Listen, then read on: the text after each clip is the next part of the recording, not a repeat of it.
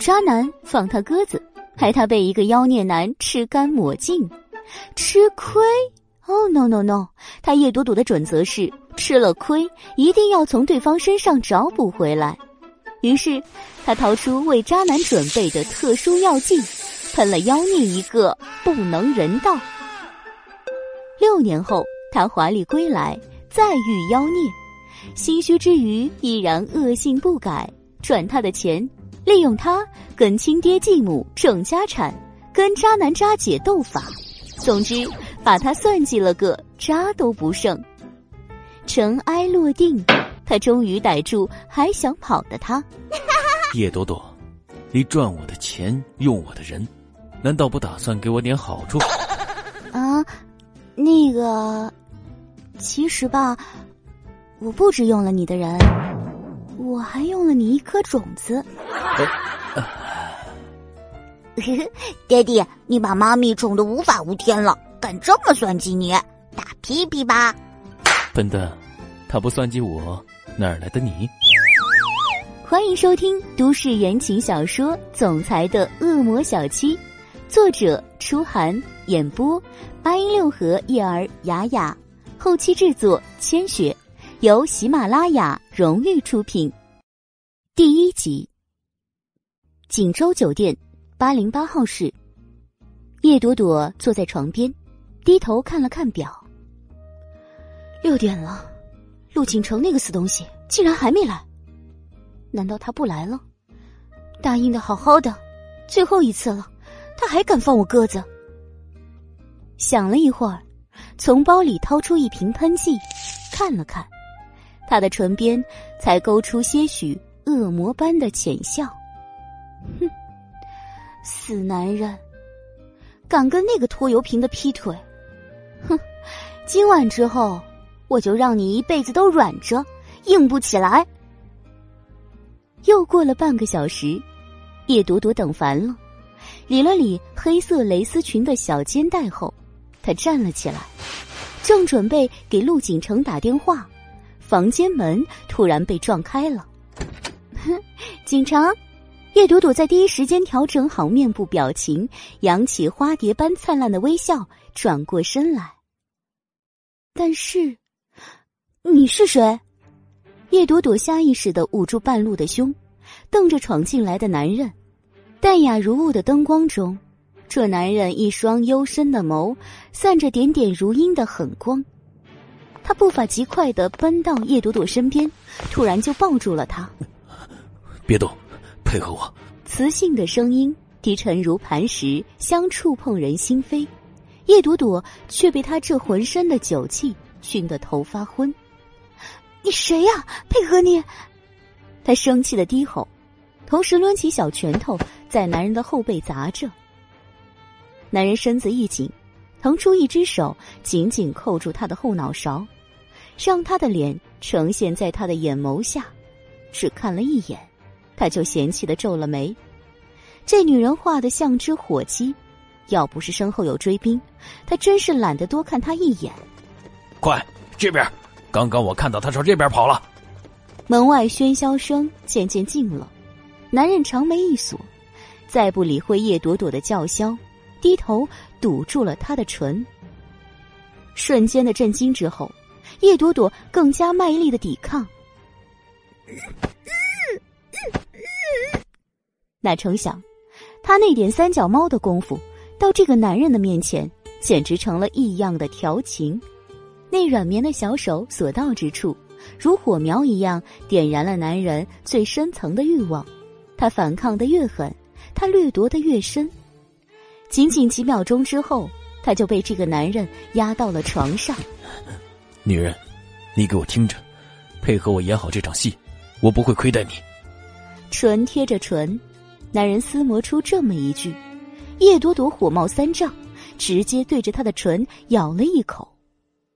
淡淡的铁锈味在男人唇边蔓延，他的深眸倏地掠过一抹寒光。下一秒，这男人便如发了狠的猛兽一般撕扯起身下的女人。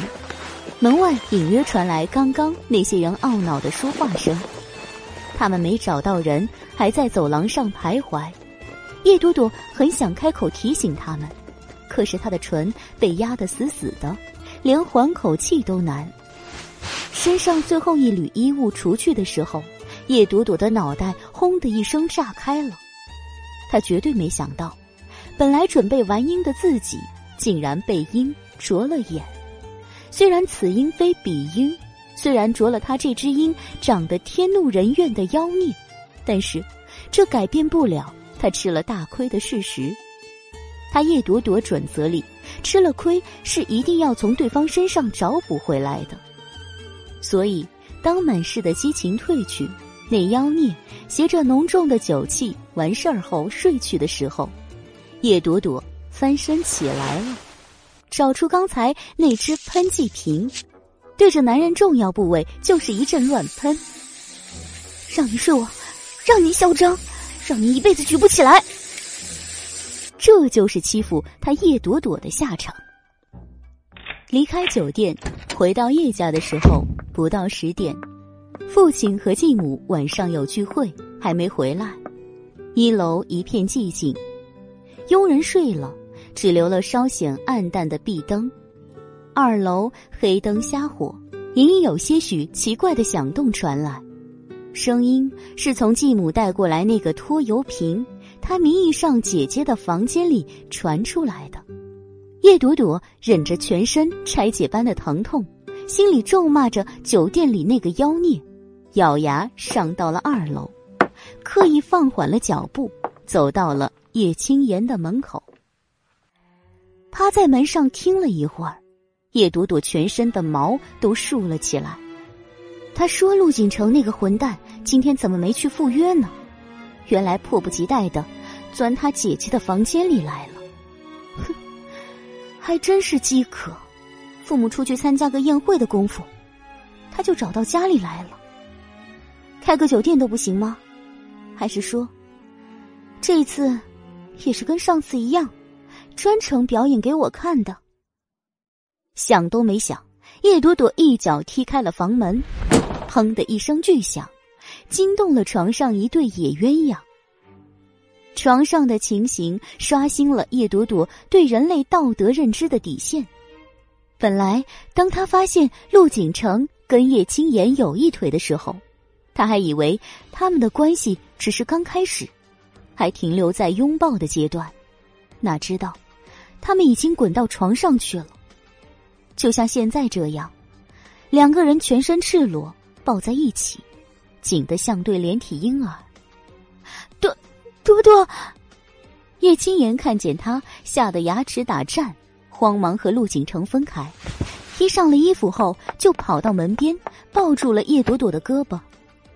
朵朵，你相信我，事情不是你想的那样的，真的，你一定要相信我。叶青言一双水眸渲然欲泣，小手紧紧揪着叶朵朵的衣袖，模样焦急的叫人我见犹怜。说实话。在半个月前，叶朵朵很喜欢这个继母带来的姐姐。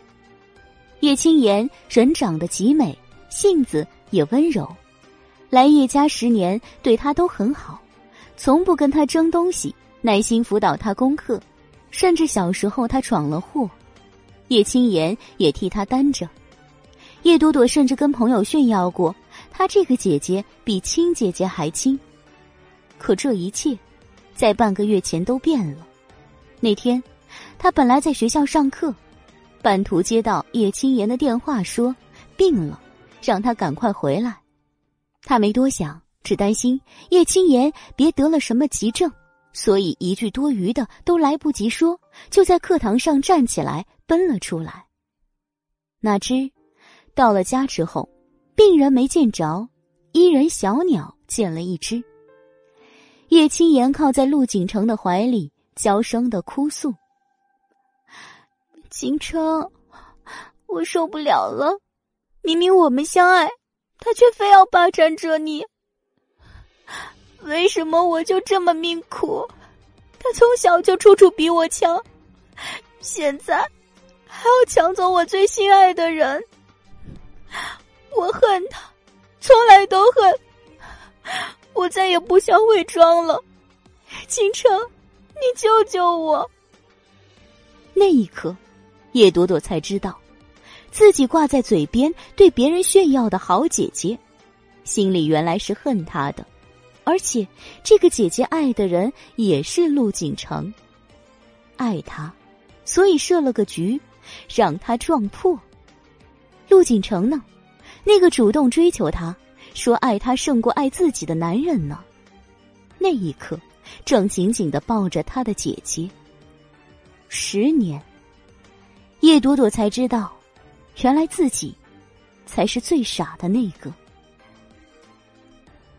看着此刻的叶青言，脑中回荡着他那日说过的话。叶朵朵娇俏的脸上掠过一丝冷芒，她嫌弃的甩开叶青言的手，冷讥道：“那是什么样？行了，叶青言，皮都掉了，还装什么装？”叶朵朵。你凭什么这么说，青言？陆景城苦花心切，上来就猛扯住叶朵朵的胳膊，将她甩到一边。叶朵朵一个踉跄，往楼梯口方向倒去，扶住栏杆才站稳。陆景城，你明明答应了我晚上赴约，为什么不去？你说，为什么不去？想起今晚的遭遇，叶朵朵有些失控。陆景城冷冷一笑。过去干什么？之前要你不给，现在有了青颜，你就算脱光了，我也懒得看你一眼。你，你，叶朵朵恨不得把这男人碾死在齿缝里。叶朵朵，我实话告诉你，当初我会跟你在一起，也就是看在你是叶家小姐的份上。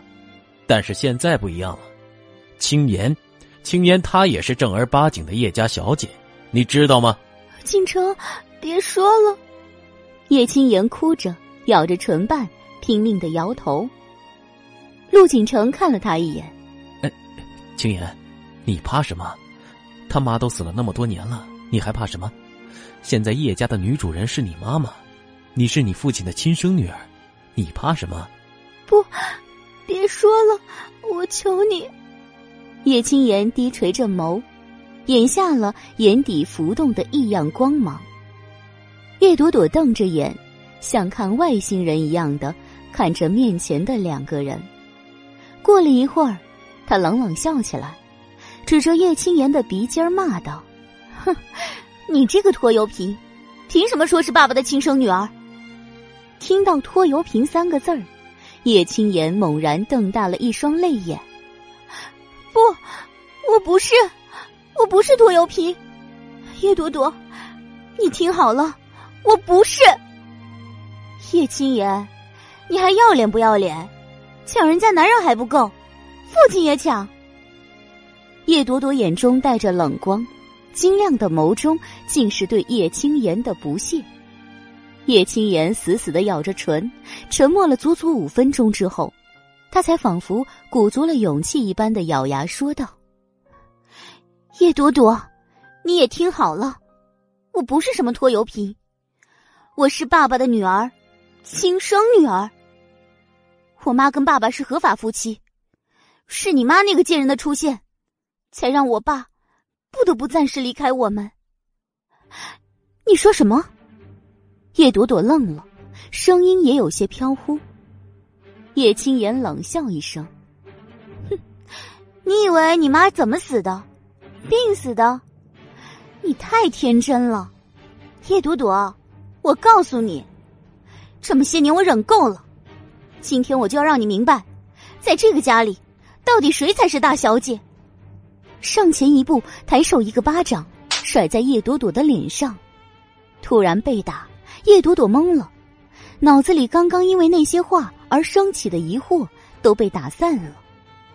你敢打我？你竟然敢打我！连吼两声。叶朵朵恨不得撕了这个平时总装成一副受气小媳妇样的拖油瓶，可没想到，还没等他过来撕，叶青言自己就扑了过来。他死死的掐住叶朵朵的肩膀，一个转身就把她带到了楼梯口。叶朵朵，你去死吧！你死就没人跟我争了。看着柔弱的叶青言，此时爆发了惊人的蛮力，两秒钟的功夫，他就把叶朵朵给压到了台阶边缘。叶朵朵拼命维持身体平衡，不让自己滚下去，而后抓住叶青言的手臂，狠狠的甩开。趁着这个空隙，他一步跨到旁边，还没松口气，就听“啊”的一声惨叫。原来叶青言在惯性的作用下，没控制住前倾的身体，一下跌了下去。青言，陆景城紧步追下去，却依旧没拦住滚成一只球的叶青言。啊！叶青言的哀嚎响彻整个叶家，接着，叶朵朵的眼里多了一抹血色，那抹血色是从叶青言的下身渗出来的。身为医学院的学生，叶朵朵很敏锐的觉察了那抹血色的异样，他盯着叶青言，叶青言揪着陆景成的衣服，景成。我好痛，我们的孩子。六年后，Z 市郊区某栋从外面看很不起眼的二层小楼里，而且，而且，嗯，手持试管的叶朵朵连打了两个喷嚏。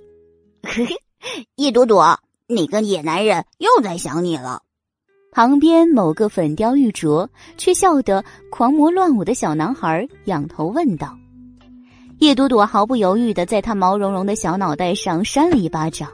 叶子熙，拜托你还记得我是你妈，请你保持对我的基本尊重好吗？张嘴野男人，闭嘴野男人，人家不知道还以为他妈多粗俗不会教育孩子呢。”叶子熙随手抄起一只放着不明液体的瓶子。看了看，嗯，我说的不对呀，叶朵朵，你可得感谢我。这个礼拜我已经替你暗中解决两个觊觎你的野男人喽。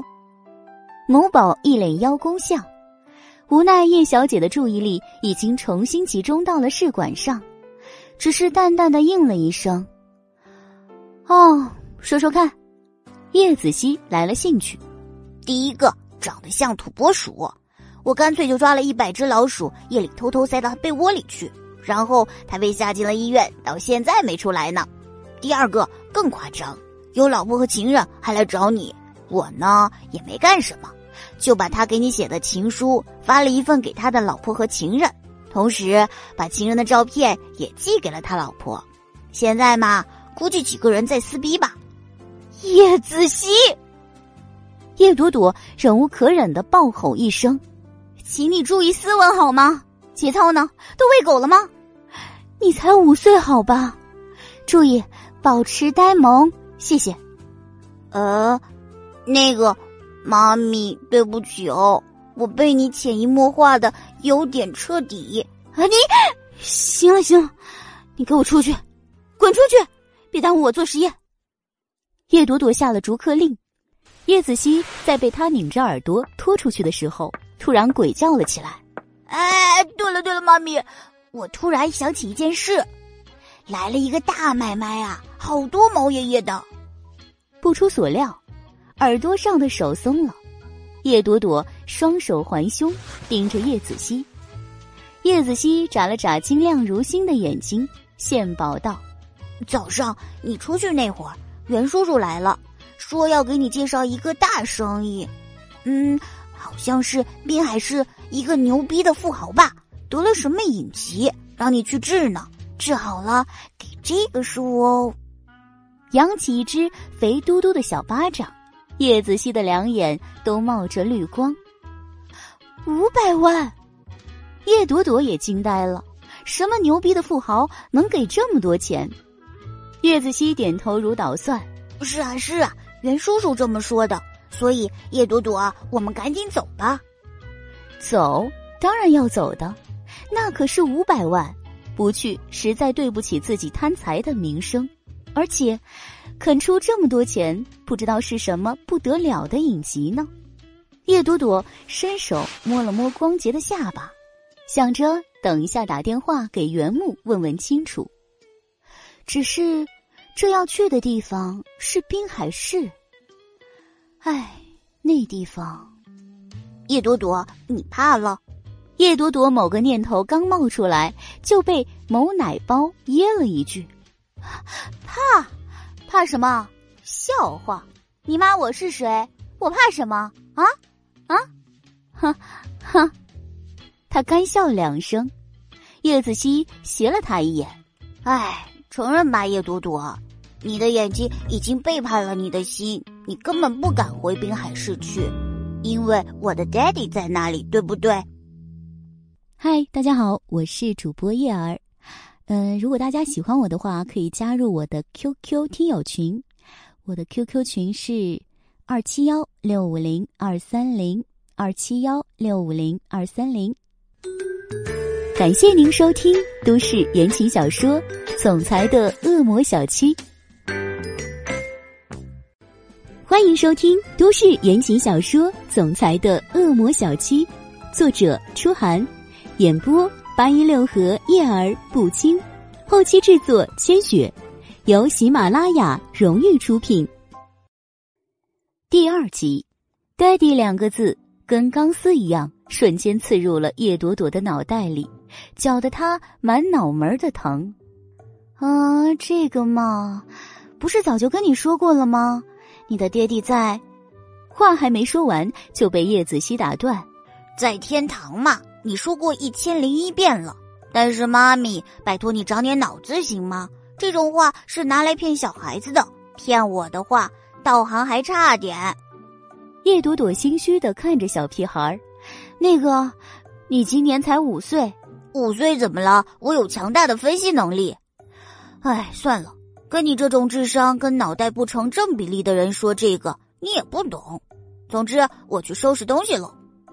叶朵朵一把拽住泥鳅一样的叶子熙，我决定了，我自己去，你在家跟着袁叔叔。啊，不要啊，妈咪！说完，根本不理会某宝的哀嚎，割下实验器材去收拾东西。滨海市，六年，有些债也是该了结的时候了。一天后，滨海市机场。刚走出出站口的叶朵朵就被一个黑衣黑裤、黑头黑脸的男人给堵住了。你是叶朵朵？啊，得到印证，黑男人立刻嗡声嗡气的说：“荣少等你很久了，跟我来。”哦，麻烦你，您贵姓啊？我姓陈，是荣少让我来接你的。黑脸男人答道：“姓陈，袁木说了，到滨海市的时候。”会有个叫医生的男人来接我，怎么冒出一个姓陈的？叶朵朵心中起疑，脚步就有些墨迹。黑脸男人不耐烦，催促了他几声，这使得他更加怀疑。正想着怎么脱身，迎面快步走来一个男人。叶小姐，叶朵朵还没回过神来，就被身边的黑脸男人一把拽住，拼了老命的往侧门方向跑。该死！他这是遭遇绑架了吗？请问他治病的这位到底是什么鬼？这么多人不想让他活啊！反应过来的叶朵朵拼命的挣脱黑脸男人的钳制，黑脸男人先是拖着他跑，后来觉得不过瘾，干脆长臂一捞，把他提了起来，夹小鸡那样的夹着他跑。这男人皮厚的跟堵墙似的，小练过防身术的叶朵朵。那些花拳绣腿对他来说就像挠痒痒，无奈之下，愤怒的叶朵朵捏着鼻子，忍着令人作呕的汗臭味，对着这男人的身上就咬了一口。这一下，叶朵朵用了吃奶的劲儿，黑金刚吃痛大叫一声，胳膊下意识的一松。与此同时，身后追赶过来的男人一个漂亮的扫堂腿扫在黑金刚的小腿上。黑金刚往前一趴，叶朵朵似一条美人鱼一样从他的胳膊下面掉了下来。万幸，救命的男人眼疾手快，将他捞住，避免了他和大理石地面的亲密接触。黑金刚一趴下就被另两个男人给制服了。刚刚救命的那个男人站在了叶朵朵面前，一双眸 X 光一样的照着他。叶朵朵。诡异关门弟子，嗯，叶朵朵低头理着衣服，语气很不善。你好，我是伊森，老大派我来接你。男人面无表情，叶朵朵听见名字的时候，抬头瞄了他一眼。半个小时后，叶朵朵在一栋豪华的别墅里见到了他的病人。老大，叶小姐带来了。伊森禀报完毕，站在一旁。叶朵朵盯着背对他依窗而立的男人，背影看，目测三十上下，身高超过一米八，一身白色西装。衬得他有一种遗世独立的金贵气势。如果他的脸能跟这背影成正比例的话，叶朵朵想，这应该是个极品男人。只是没想到，当这男人转身，他看清楚那张脸时，竟然是刹那间天崩地裂。没搞错吧？这男人不是六年前跟他搞一夜情那个男人吗？六年时光虽长，可这张脸他是不会记错的。斜飞剑眉，锐利深眸，性感又稍显冷情的薄唇，不是他还是谁？天啊！没想到叶子熙那家伙的爹是个这么显赫的人物。不过呢，他的影集……哎，叶朵朵心虚的低下了头。他单单知道世界小，却没想到小到这种程度。六年后回归，第一眼就撞见了叶子熙的爹。上帝，你是又在打盹了吧？不过，看他的脸色，好像不认识我。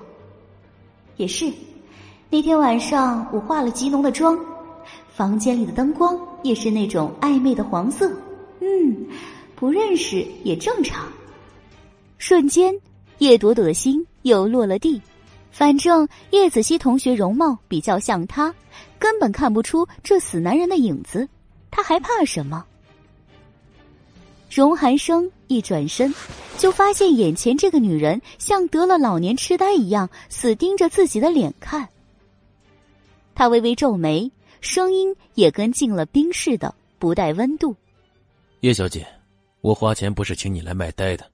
叶朵朵一愣，立即回神。丫的，舌头还挺毒。咳咳这是我看诊的第一步，你懂什么？叶朵朵扬起脖子，丢了一个不懂别装懂的眼神给他。荣寒生眉间沟壑更深，长身微动，优雅的晃到了叶朵朵面前，讥诮的轻声说道。哼希望你的医术跟你的嘴皮子一样厉害。提到医术，叶朵朵终于想起她今天来这里的目的了。六年前害他不举的是自己，治疗起来当然也不难。但是，这位先生，在替你看病之前呢，我有个要求。哦，荣寒生脸眸来了兴致。叶朵朵低头想到叶子熙。晶亮晶亮的眼睛，随后扬头，呲牙一笑。诊金加价五百万，总共一千万。站在一旁的伊森被自己的口水呛了一下，咳嗽不止。缓过劲儿来，没忍住插嘴道：“叶小姐，你这是坐地起价？”哼，我明明是站着的。叶朵朵莞尔一笑。伊森石化了一般瞪着他，就连荣寒生的嘴角都不免抽了抽。叶朵朵抬步走向荣寒生，靠这个男人越近，叶朵朵越觉得这房中气压有些高，高到让他不得不多换几口气才能压住砰砰乱跳的心。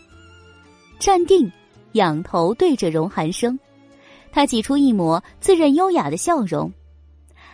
首先。刚下飞机就被绑架，说明给你治病有风险，诊金理应加倍。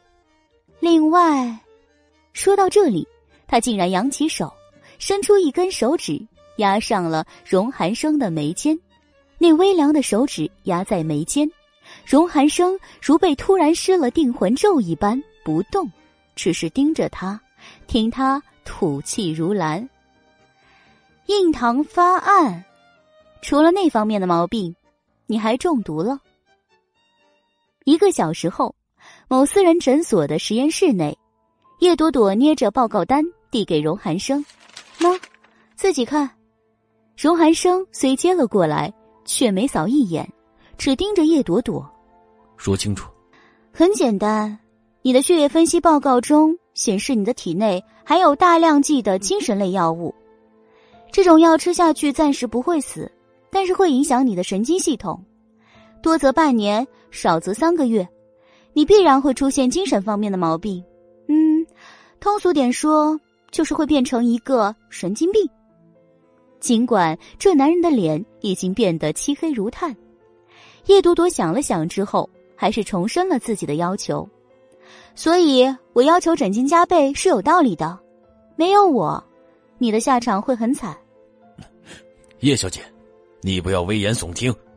医生实在瞧不过去眼前这女人的嚣张，插了一句。叶朵朵没理会他，只看着荣寒生：“你最近是不是夜不能寐？好不容易睡着了，也常做噩梦被惊醒？”俊脸微沉。沉默了一会儿，荣寒生还是点了点头。是这种情况，是不是在一个月前出现？这一个月以来日趋严重。是。所以呢，你信不信我？不知道为什么，明明眼前这男人看上去就不是什么善茬，可偏偏叶朵朵不怕他。难道是六年前那个一夜情？他是他的第一个，也是唯一一个男人。他就莫名其妙的对他有了亲切感。叶朵朵觉得自己有些不可理喻，但是不管怎么说，这男人总是叶子熙那家伙的爹，他总不能真看着他飞升天堂吧？而且，就算他当年那样对他有些恶劣，但是叶子熙那家伙总还是呆萌可爱，深得他心的。这么一算，他倒也不记恨他了。正想着，耳边传来一声轻缓却有磁力的声音：“我信。”呃，老大。医生喊了一句，荣寒生扬起手，他才闭嘴。叶朵朵抽了纸巾擦擦手，再次确认钱的问题。诊金一千万，一分不少。荣寒生干脆的让他有点意外，愣怔了几秒，他咧嘴笑开了，哼哼。那好吧，先给二百万定金。荣寒生点头，没有废话。叶朵朵接着说：“另外，我还有些附带条件。首先，帮我准备一间实验室，这样我工作起来方便。其次，我需要找你的时候自己会找你，平时你别过来干涉我的活动。”没了。嗯，暂时没了。那么，荣寒生顿了一下，走到叶朵朵跟前。低眸直盯着她的脸，是不是应该我提点要求了？你还有要求？叶朵朵瞪眼叫道。荣寒生唇角抽了抽，眼中闪出些许讥诮的笑意。我付了一千万，难道不该提点要求？蹙眉一想，好像也是。叶朵朵同意了。嗯，你说。住在我那里，与我同进同出。同食同寝，啊！不光是叶朵朵，就连伊森都惊掉了下巴。你，你什么意思？你想包养我？请原谅叶朵朵思想不纯洁。但凡是个人听到那四个字，思想又能纯洁到哪儿去？可一想又不对，他都不行了，还包养女人干什么？喂喂喂喂喂！你可别有什么非分之想，我我我我那那那个方面的嗜好是很正常的。全世界都安静了，足足有五分钟的时间。偌大的实验室里，只听见叶朵朵一个人紧张的喘息声。直到伊森由于过度惊恐，一不小心打翻了一只玻璃瓶，砰！玻璃破碎的声音里，叶朵朵的小腰。被某人扣住了。您哪方面的嗜好很正常？我我，这男人气场太庞大了，压得叶朵朵不知道怎么应对。荣寒生的脸像是蒙了一层薄尘，灰蒙蒙的，僵持了好一会儿，才松开叶朵朵。你想多了，我只是想借你的手帮我查出下毒的人。另外，事成之后我会多付你钱。语气中已经不带什么情绪，但是说出来的话却很贴心。这女人一心就掉钱眼里去了，让她闭嘴的最好办法就是钱。叶朵朵歪着脑袋想了一会儿，成交。反正她也是不举的，怕什么呢？真是。在叶荣生转身的时候，他又扯住了他。不过，你得给我专门配辆车。再怎么同出同入的我，还有私事要办呢。荣寒生低头看了看揪在自己袖子上那只白皙的小手，剑眉拢了拢。可以。嘿嘿。叶朵朵咧嘴一笑，愉快的松了手，随后看见伊森背着荣寒生对他竖了大拇指。迄今为止，这个女人是唯一一个拉过他们老大又没有被他们老大丢出去的女人，真是奇葩。伊森对叶朵朵的敬仰犹如滔滔江水，连绵不绝。从诊所出来，荣寒生命人先将叶朵朵送回了别墅。而自己则带着伊森去了另外一个地方。这一晚，叶朵朵在荣家的客房里睡了个好觉。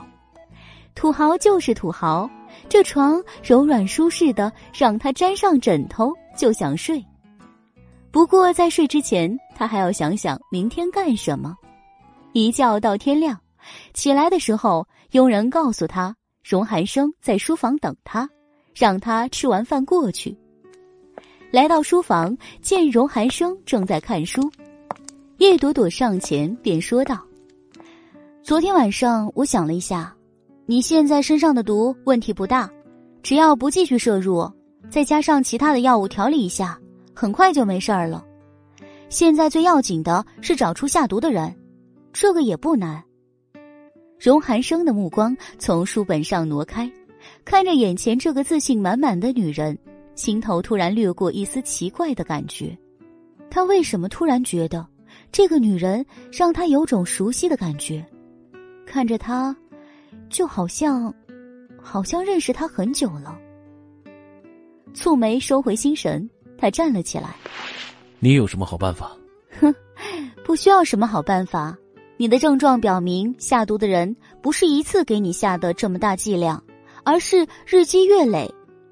像你这样的人，能够日积月累给你下毒的，只能是身边的人。对了，你是不是常住在这里，一日三餐都在这里？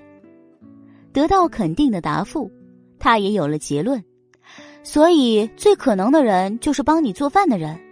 荣先生，范围画到这里，接下来的事情不需要我做了吧？这一点事儿都查不出来的话，他也就别混了。荣寒生点点头，确实，这已经很容易了。嗯，那没事的话，我走了。对了，我的车在哪儿？叶朵朵做事要走，想了想，又十分理所当然的问了一声。荣寒生刚刚舒展一些的眉又皱了起来。你去哪儿？办点私事儿。车在车库，自己去选。不过你办什么私事？荣寒生站起来，绕到叶朵朵面前，又给她制造了一种压迫的气氛。希望你还没忘我请你来是干什么的。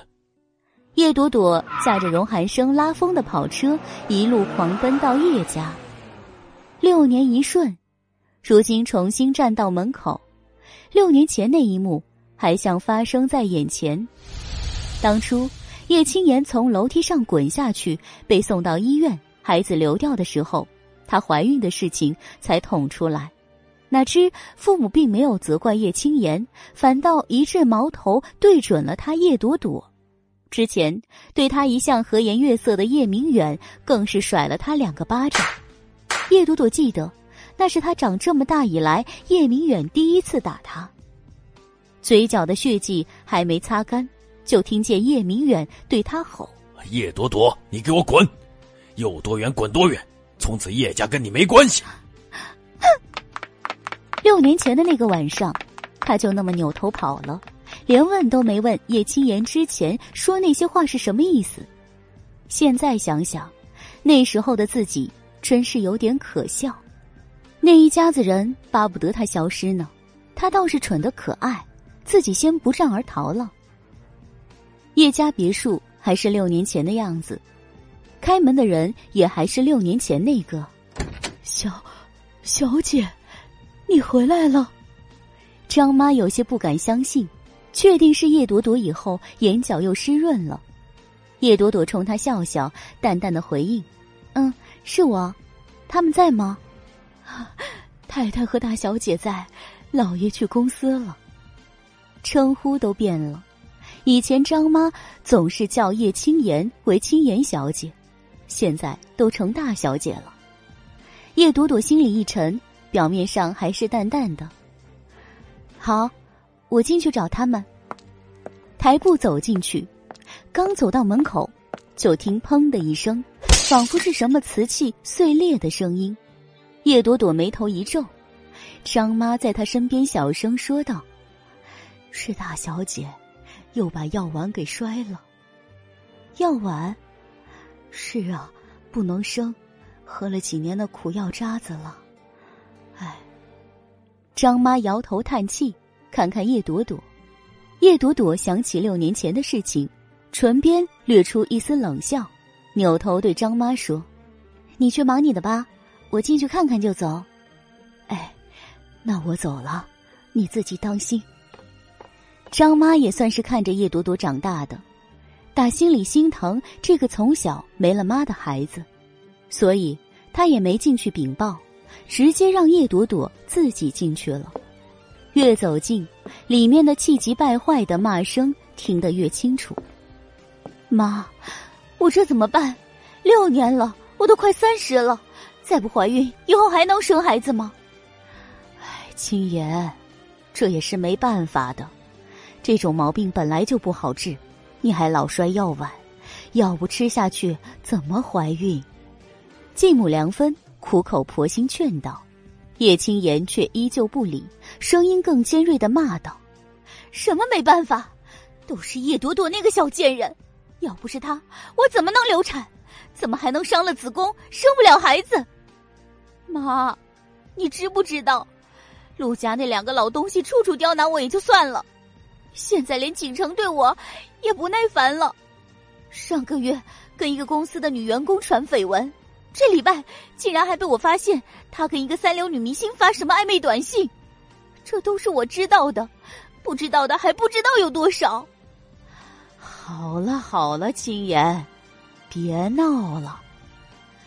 妈知道你这受委屈了，你放心，只要那个小贱人敢回来，妈一定好好治他。帮你出了这口气，站在门口，听着这一口一个小贱人，叶朵朵反倒没什么怒气了。他现在就是好奇，好奇梁芬打算怎么替叶青言出这口气。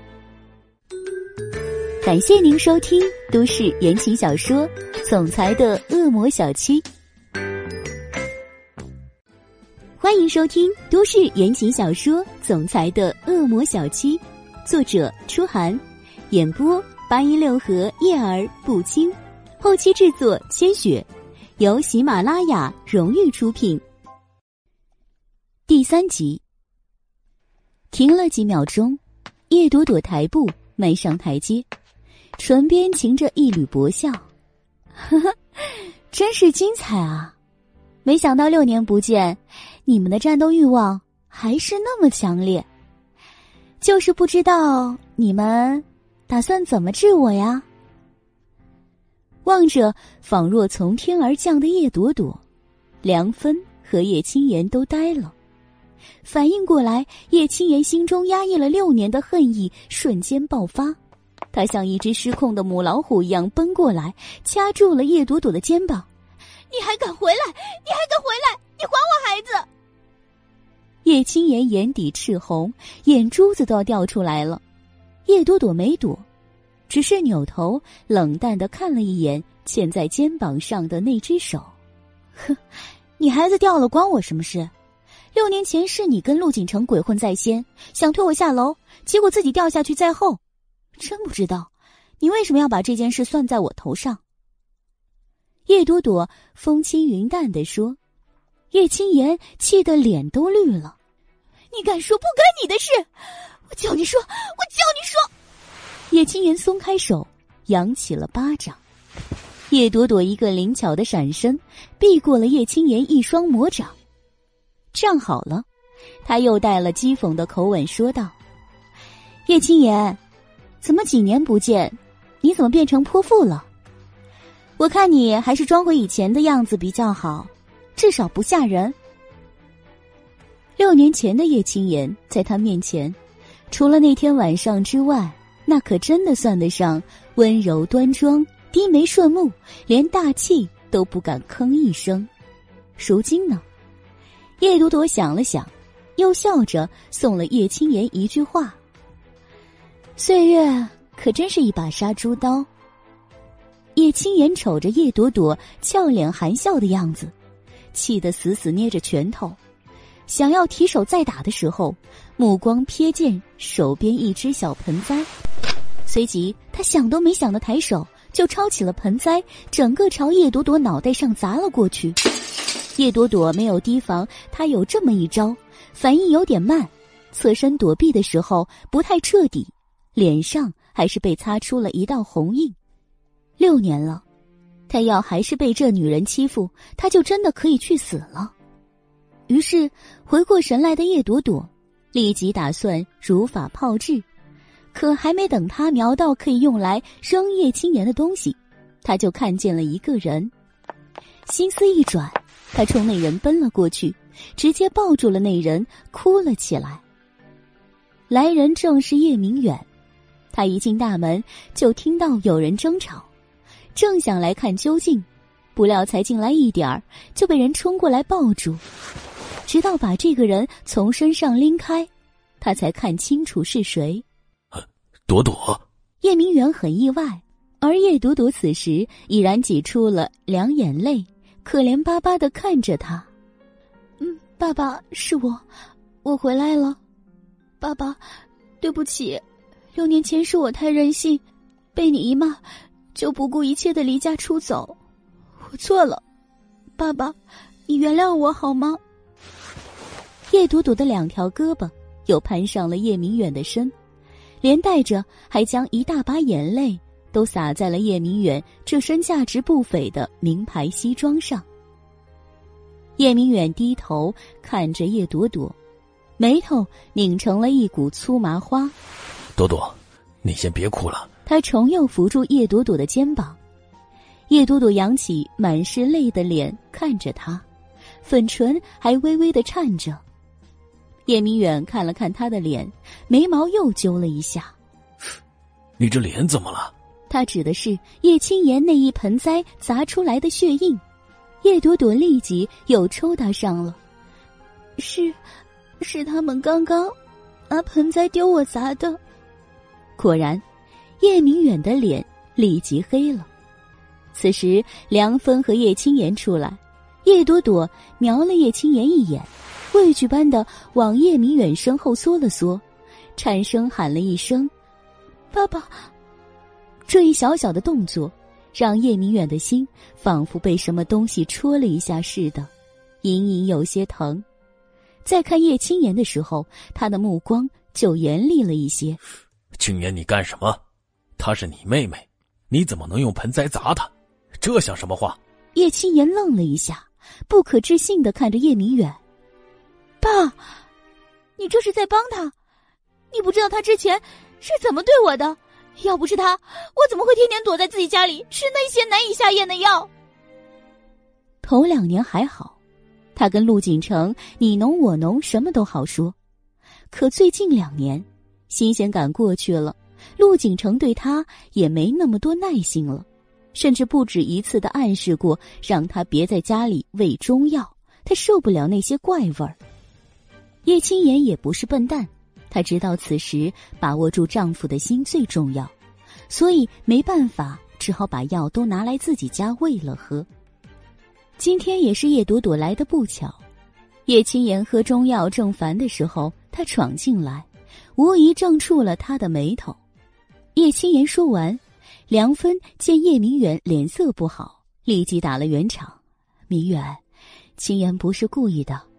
朵朵这孩子说话冲，青言这不是心情不好吗？”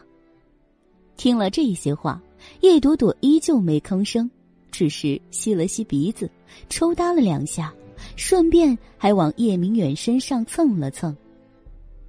不管六年前的叶朵朵是什么样子，现在他这种小猫一样的动作，就给了当父亲的叶明远一种先入为主的印象，那就是今天他真的被欺负了。毕竟是父亲，毕竟是六年未见，叶明远的心软了。他瞪了梁飞一眼：“行了，你们都别说了，朵朵回来就好，你去给她收拾个房间。”还有朵朵，你跟爸爸进来，说说你这些年都在那儿干了什么了。他主动拉上叶朵朵的手，叶朵朵却突然把手缩了回去。爸，对不起，我暂时还不能住到家里来，这几年的事情，我有时间再跟你说。今天我先走了。他扭头捂着嘴巴就走，叶明远蹙眉拉住他：“哎，你这孩子，你还闹什么闹？”叶朵朵站住，转脸，眼中又是蓄满了泪。爸，你还是先安抚好他们吧，等他们不再生我的气了，我再回来。反正我现在挺好的，你别担心。这话又让叶明远心中一疼，还想说什么，叶朵朵已经挣脱了他的手，跑出去了。叶朵朵不是不想住在叶家。只有住在这里，天天与这些人朝夕相处，才能查出当年母亲去世的真相，不是？但是，现在可不行。荣寒生还命令他同出同行，同时同寝呢。虽然自己不怕他，可这男人可不是什么好惹的主。所以在能不惹他的时候，叶朵朵觉得自己还是不要惹他为妙。至于他的隐疾嘛，想到这里，他心里刚刚积攒起来的阴郁情绪竟然散了。对了，等下回去的时候，拐中药房去抓几服药，好好调理调理那个男人。想到这些，从叶家出来的叶朵朵心情就愉悦了不少。他没将车停在门口，而是停在了马路对面。上了车，第一件事翻出纸巾。把自己脸上的眼泪给擦了擦。父亲，他真的想念他吗？六年了，他从未找过他，不是吗？如果父女之情就是这样，那这情谊未免也太淡了些。心底闪过一丝悲凉，他在方向盘上趴了一会儿，才机不可闻的轻叹了一声，之后将跑车发动。往荣寒生的灵溪别院去了。路途中，叶朵朵顺道拐去了药房，配了一点药材，提着一只不大不小的塑料袋子，到了灵溪别院。一脚刚踏上主屋台阶，他的耳朵就被一个娇滴滴的声音给拽住了：“寒生，我去法国的这两年，你有没有想我？”这声音娇嫩的，能掐出水来。闻声辨人，一定是个绝代佳人。叶朵朵不由自主的捏紧了袋子。进屋子后，第一眼就锁定了在沙发一侧，荣寒生身边的那个女人脸上。柳叶星眸，俏鼻阴唇，漆黑的长发带着自然起伏的弧度打在肩上，穿着纯白压暗花的蕾丝连衣裙，没什么多余的事物。只有脖子上一条缀着红宝石吊坠的项链，给整个人增加了一抹活泼的颜色。这女人看上去很干净，很有气质，嘴上问着想不想他，那脸上的表情却是淡雅如菊，只微微的勾了粉唇，没有任何夸张的动作神态。叶朵朵进来的时候，女人浅淡的笑意中凝了一丝愕然。荣寒生顺着他的目光扫了叶朵朵一眼，淡淡的说道：“我新找的私人医生。”医生。女人呢喃一声，目光落在叶朵朵手里的袋子上，继而转眸看向荣寒生，有些担忧：“你病了？”“没有，最近睡眠不太好，他帮着调理。”叶朵朵愣了一下，随即释然，想想也是，那种毛病他怎么好意思跟美女说嘛？这女人听这口气是他女朋友。自己都得了那种毛病，还祸害人家，真是卑鄙。暗暗鄙夷了一声，叶朵朵抿唇，扯出一抹微笑。荣先生，药我已经买回来了，我忙去了，不打扰您了。荣寒生只点点头，没说话。叶朵朵也不愿再听他们的八卦，头一低就拐去荣寒生替他准备的客房。客厅里，荣寒生。看向身边的女子，清俊的脸色露出一抹温色。林寒，这次回来不打算走了吧？许凌寒笑笑，哼，当然了，我的设计课程已经上完了，不需要过去了。而且，他停了一下，笑容中更添了几分温柔。寒生，我们也该结婚了。结婚？荣寒生微微敛眉。许凌寒见他蹙眉，神色微微一凝，过了几秒，他才低眉柔声道：“是啊，我爸妈总是催我，还有阿姨前阵子也打电话问我有没有回来，说回来就把我们的事情办了。寒生，我也不小了，不想等了。”语毕，许凌寒便抬起了一只小手，轻轻的搭在了荣寒生自然放置在沙发上的大手上。女人掌心的温热，让荣寒生眉心的川字更深刻了一些。默然片刻，他侧了侧脸，瞄了客房方向一眼，目光转回来，他的神色轻松了些许。好，等我忙过这一段，就好好想我们的事。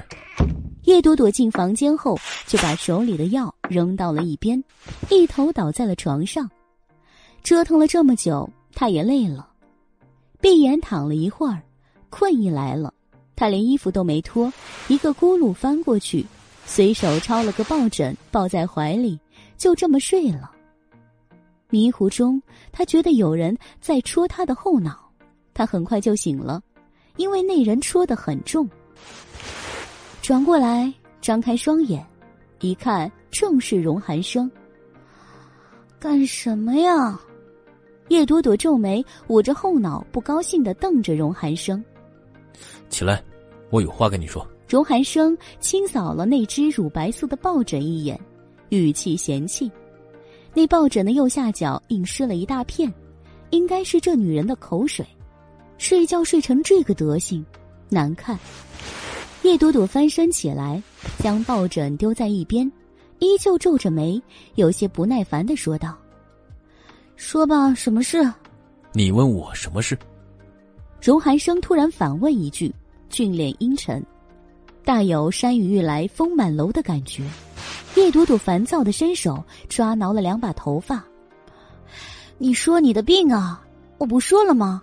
马上就着手治疗了，我总要准备准备吗？给你半个月时间，治不好要你的小命。啊！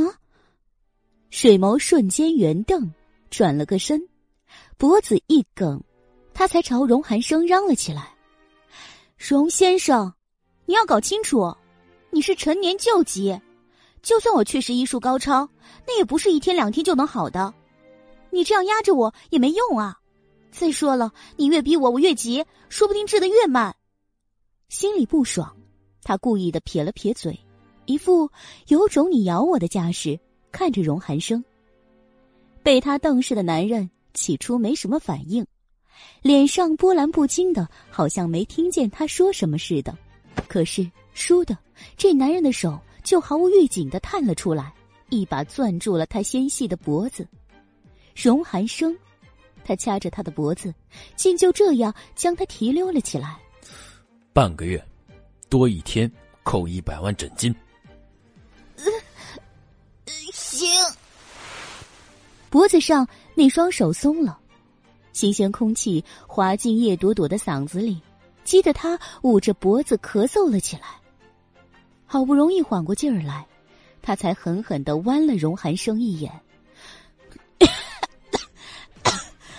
就算你急着跟美女上床，也不至于这么狠吧？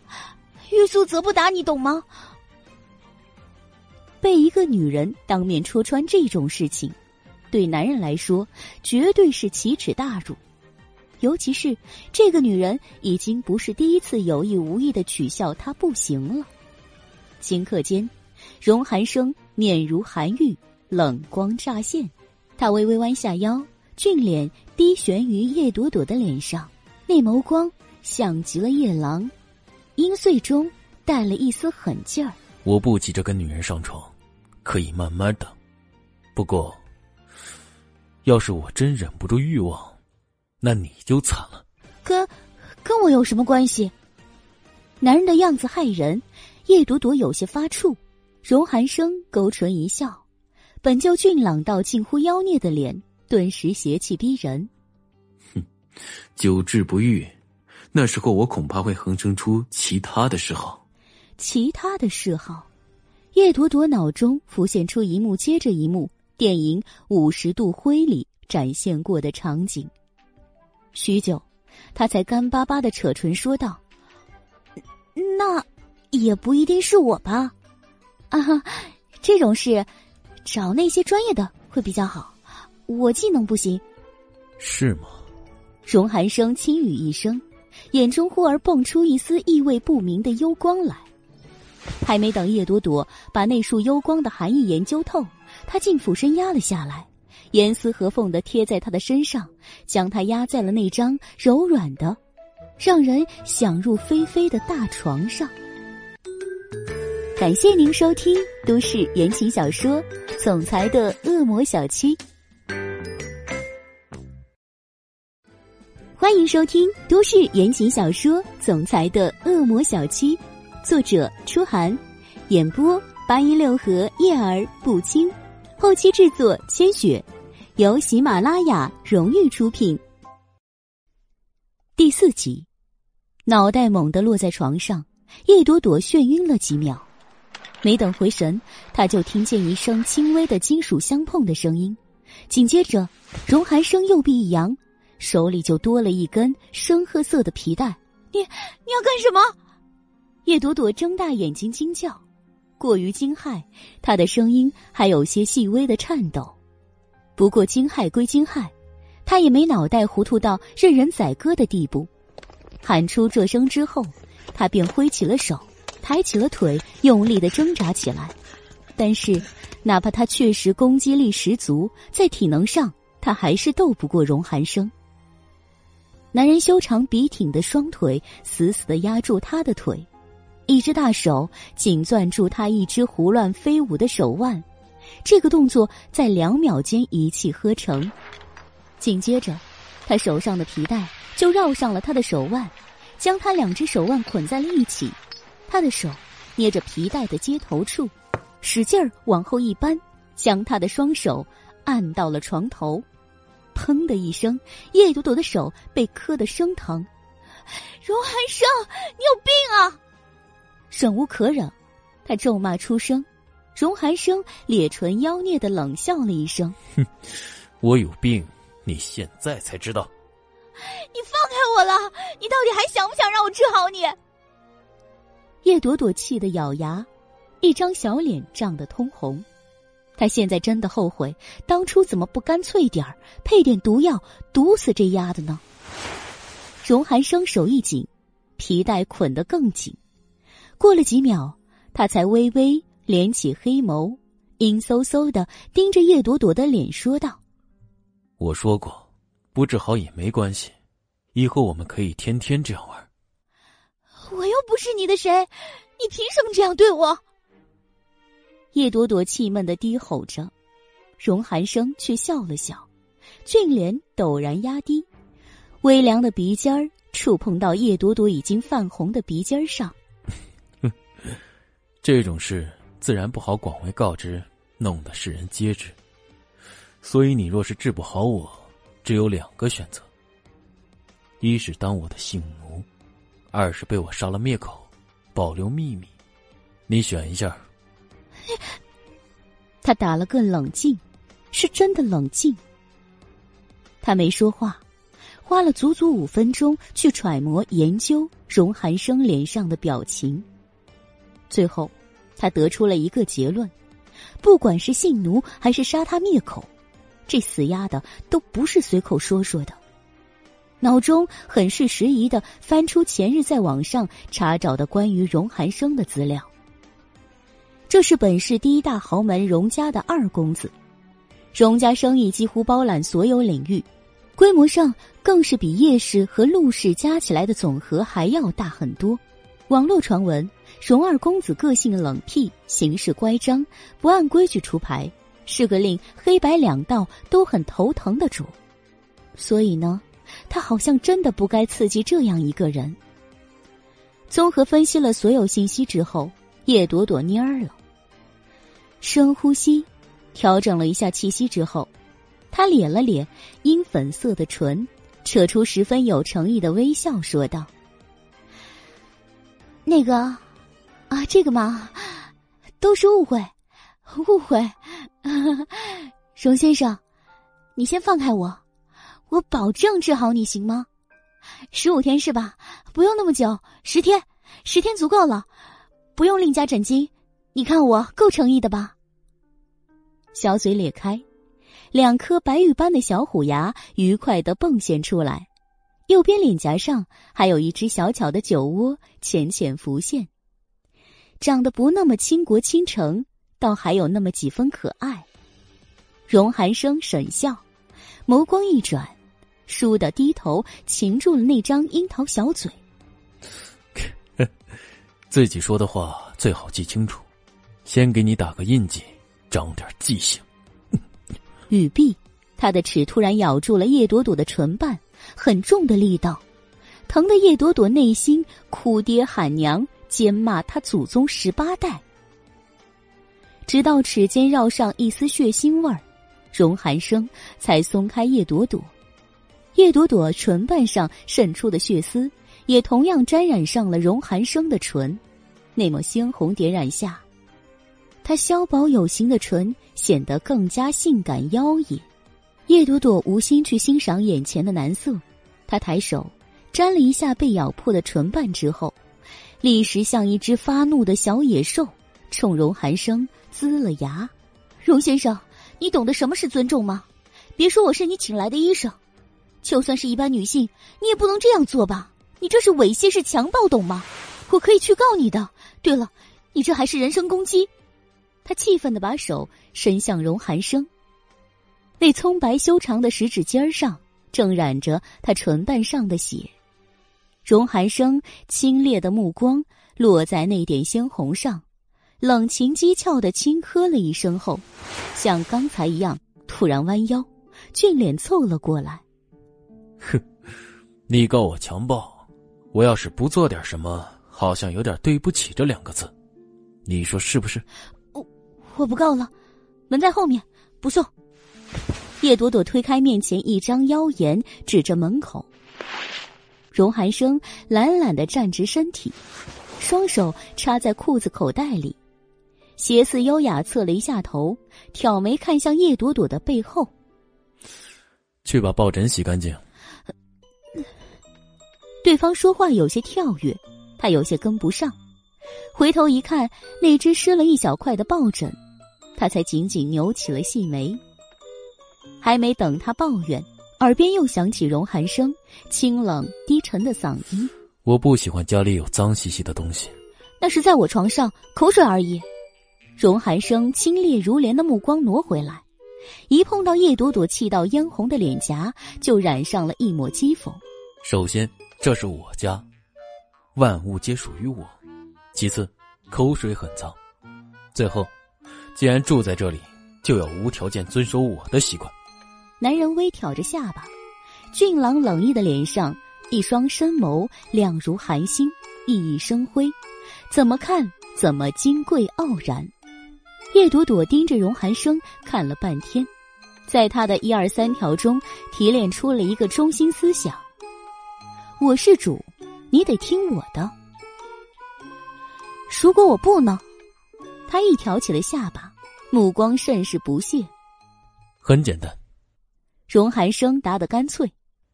第一，抱枕扔掉，脏了；第二，以后你睡觉，我会在你嘴上贴上胶布，以防再弄脏我的床；第三，我会亲手教你我的习惯。一二三，回答了他上面的首先其次最后。此刻，叶朵朵心里只有一个大写的“服”了，瞪着他，僵持几秒，他翻下了床，抄起了那只抱枕。认命，却气呼呼的奔到了房门口。准备拉开门的时候，他那只毛茸茸的脑袋扭了过来，闪着亮晶晶的大眼，认真问道：“荣寒生，你是不是有洁癖，或者强迫症什么的？说实话，我是医生，我不会嫌弃你的。”强迫症，三个字在荣寒生的唇边轻轻滚了出来。他缓步走过来。站在叶朵朵面前，低眉睨着她，笑了笑。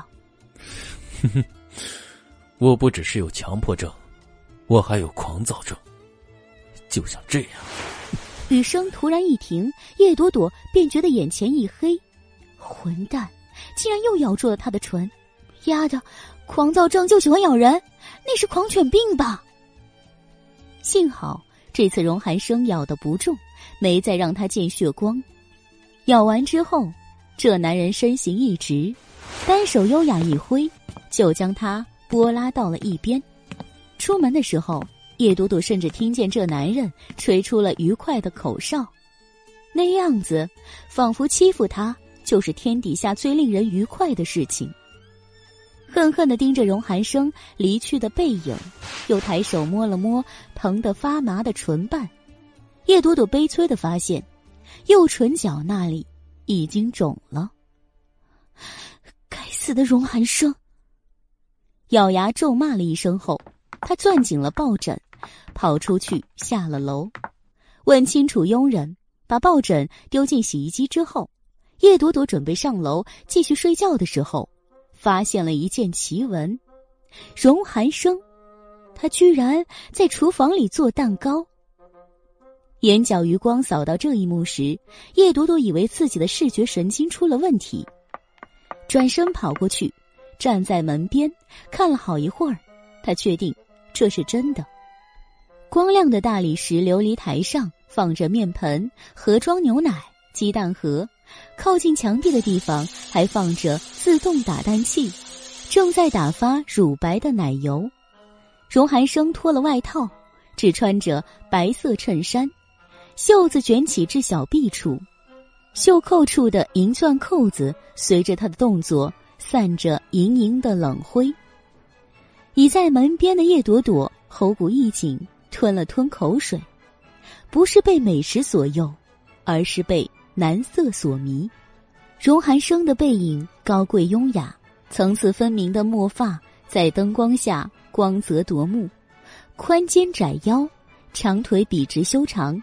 平时那股生人勿近的气息淡去，全身都沐在顶灯投下的温暖光影下。下厨房的男人果然性感啊！被迷惑的程度有些深，叶朵朵鬼使神差般的走了过去，目光从琉璃台上的材料慢慢上移，一直移到男人的脸上。荣寒生很专注，不只是专注。那表情还平静安宁，仿佛他不是在做吃的，而是在享受一个美妙的过程。他正在把蛋黄和面粉搅匀，指尖捏着筷子，动作偏慢，慵懒又精致。目光定格在那只手上，叶朵朵感觉喉骨又收紧了。他的手很白，手指修长，骨节分明，五个指甲。也修剪得整整齐齐，指甲上泛着点点温润的光泽，非常漂亮。叶朵朵看着看着，那目光一路不停的，就凝到了男人的脸上。完美的侧颜，皮肤在男人中算白，肤质细腻，不似大多数男人那种粗糙。双眉斜飞，稍显张扬，鼻骨鼻挺，绯色的薄唇而冷，此时自然的轻抿着，弧度优美。难怪叶子熙那家伙那么可爱，感情是这基因强大的缘故啊。这么说，当初自己果然是英明神武，克服困难生下了那个宝贝儿。这么好的基因，以后可难找了。叶朵朵心中沾沾自喜，刚刚才被某人咬破的唇，不自觉的微微上扬。他盯着看了这么一会儿，荣寒生一直没搭理他，直到他差不多快得意的笑出声时，男人才缓缓放下已经搅好的淡黄色面糊，转脸面向他，眸光在叶朵朵脸上稍稍凝了两秒。荣寒生唇上的弧度加深，轻轻一笑，清冷如莲的气息瞬间扑来。叶小姐，请收起你的哈喇子。我花了一千万是来请你治病的，不是请你来对着我犯花痴的。叶朵朵眼中的桃心瞬间破碎，他尴尬的低眉，抑不住的脸颊绯红，气息不稳，他的舌头都有些哆嗦。啊，不，不是了，我怎么会对你犯花痴呢？我明明在欣赏蛋糕嘛！哈，说完，叶朵朵就想咬断自己的舌头。蛋糕还没影吗？扯什么蛋糕？一看就是心虚。好在，荣寒生大概一秒钟都不想看到他，闻言也没继续讥讽，而是眼中笑意一收，语气阴冷，只说了两个字：“出去。”出去就出去，有什么了不起的？叶朵朵翘起粉唇，嘟囔一句，屁股一扭，转身出去了。走的虽然很干脆，可他心里总惦记着荣寒生做的蛋糕。没办法，他嗜好甜食，尤其钟爱各种蛋糕。虽说像荣寒生这样的人窝在家里做蛋糕，这画风总有点诡异。不过这没关系。只要他做出来的蛋糕不诡异就行了，所以在实验室里捣鼓了两个小时后，他脱了工作服，洗净了手，出来了。事实证明，他掐的点儿正好。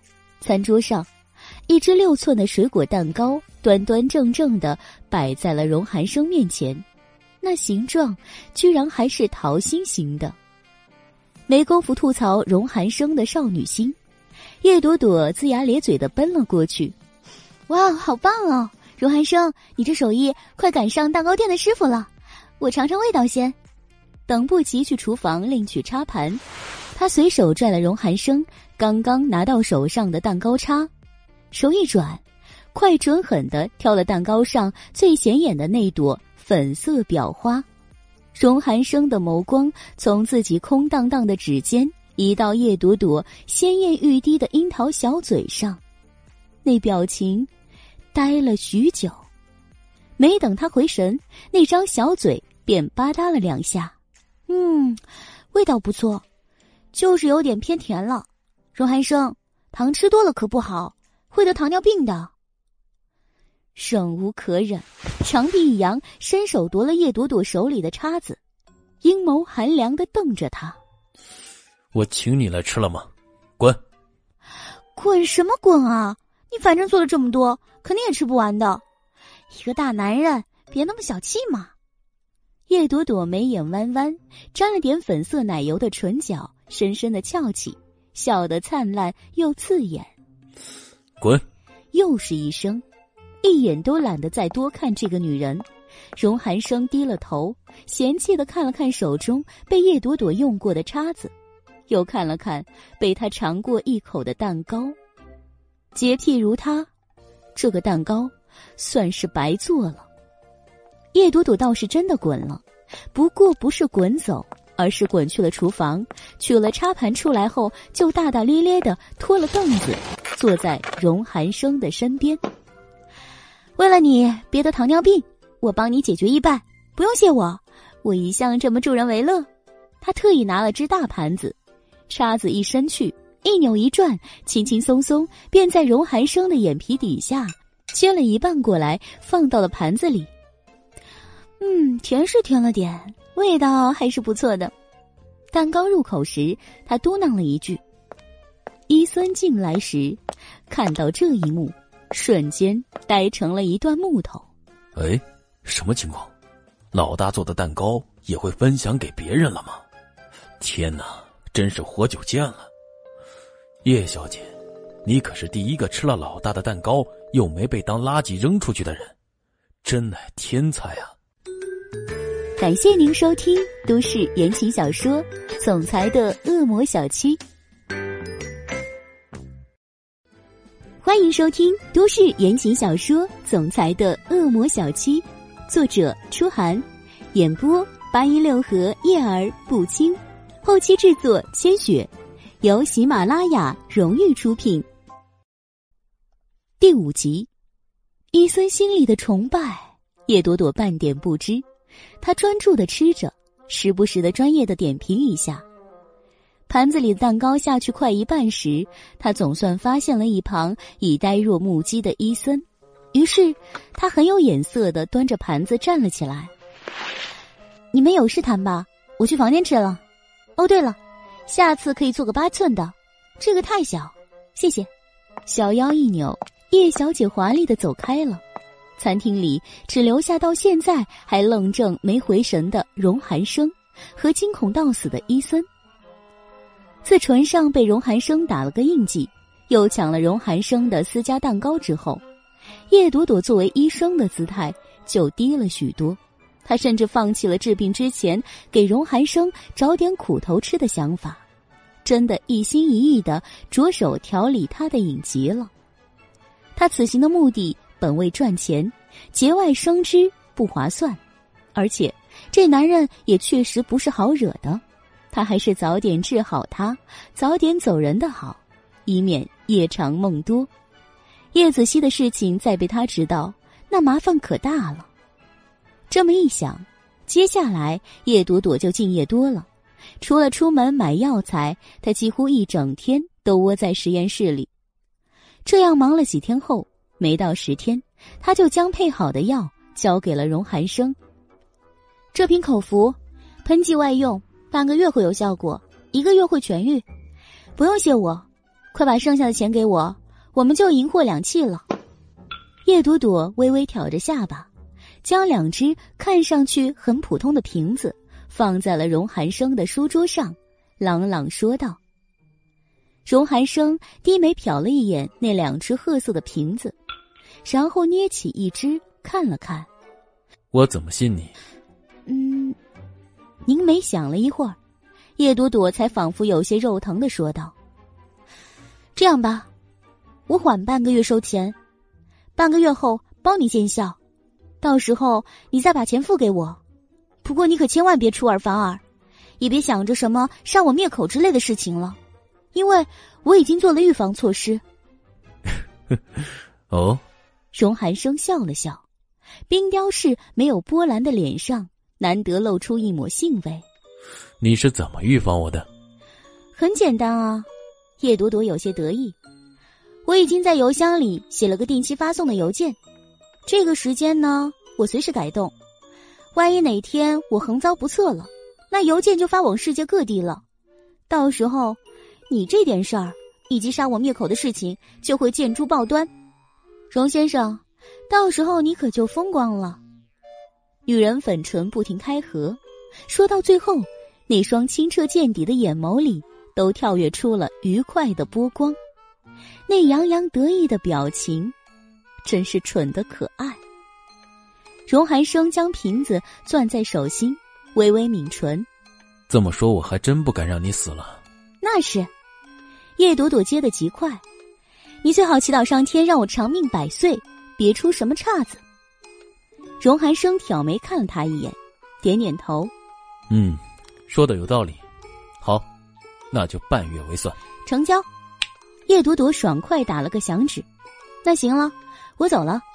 荣先生，祝你早日找回幸福，拜拜。”一转身，他的笑脸便消失在他的视线中，只留给他一个欢快的背影。等到叶朵朵离开后。荣寒生才展开掌心看了看手里的瓶子。过了一会儿，他放下了瓶子，点开了电脑里的资料夹。俊眸一扫，他点开了一个文件。叶朵朵，敢跟他这么说话的，他还是第一个。就这么两个瓶子，就拿走他一千万。哼，女人，你这梦做的未免太美妙了。屏幕里的叶朵朵还在笑，这个女人仿佛特爱笑，一笑起来就露出两只淘气的小虎牙，牙尖嘴利，迟早把你这两个尖牙给拔了。荣寒生盯着电脑里的叶朵朵，阴恻恻的眯了眯。狭长的眼眸。叶朵朵提着行李箱从荣寒生的别墅搬出来之后，就去找了柳倩。柳倩是他最好的朋友，也是六年间他唯一联系的朋友。重回故里，忙完了荣寒生的事儿，他当然要先见见柳倩。这天是工作日，柳倩还在上班，所以二人就约在了柳倩上班不远处的一间咖啡馆。心急见闺蜜，柳倩翘了班，到的比叶朵朵还早。一见叶朵朵拎着箱子过来，她就起身跑了过来，一把将叶朵朵抱进了怀里。“你这个死东西，回来好多天了，才想起来找我。”柳倩一边控诉，一边上上下下将叶朵朵扫了一遍。看见那只箱子，她立刻就问道：“你还没有地方住？干脆休息一会儿，去我那儿吧。租的地方不大。”够两人住没问题。哎，对了，我干儿子呢？你没带他回来？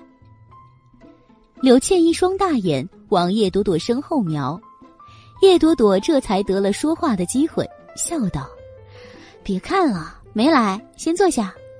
嗯，累死我了。”闻言，柳倩才松开他，一边还没忘数落他为什么没把叶子熙带来给他瞧瞧。落座后，基本就成了柳倩的主场，叶朵朵的客场。柳倩一大堆的问题问一个，叶朵朵答一个，直到将自己的近况统统说了个清。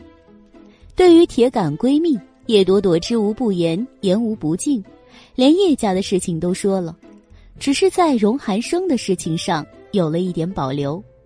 病人的隐私不可说，这是医生的职业道德。两人聊了近一个小时，咖啡各自喝掉两杯后，基本上就把两人这些年的生活揭了个大概。又坐了一会儿，看看时间不早了，叶朵朵便说道：“好了，反正我也回来了，以后见面的机会也多了，你先回去上班吧，我得回家去了。”回家，叶家，柳倩一惊，皱着眉看着叶朵朵。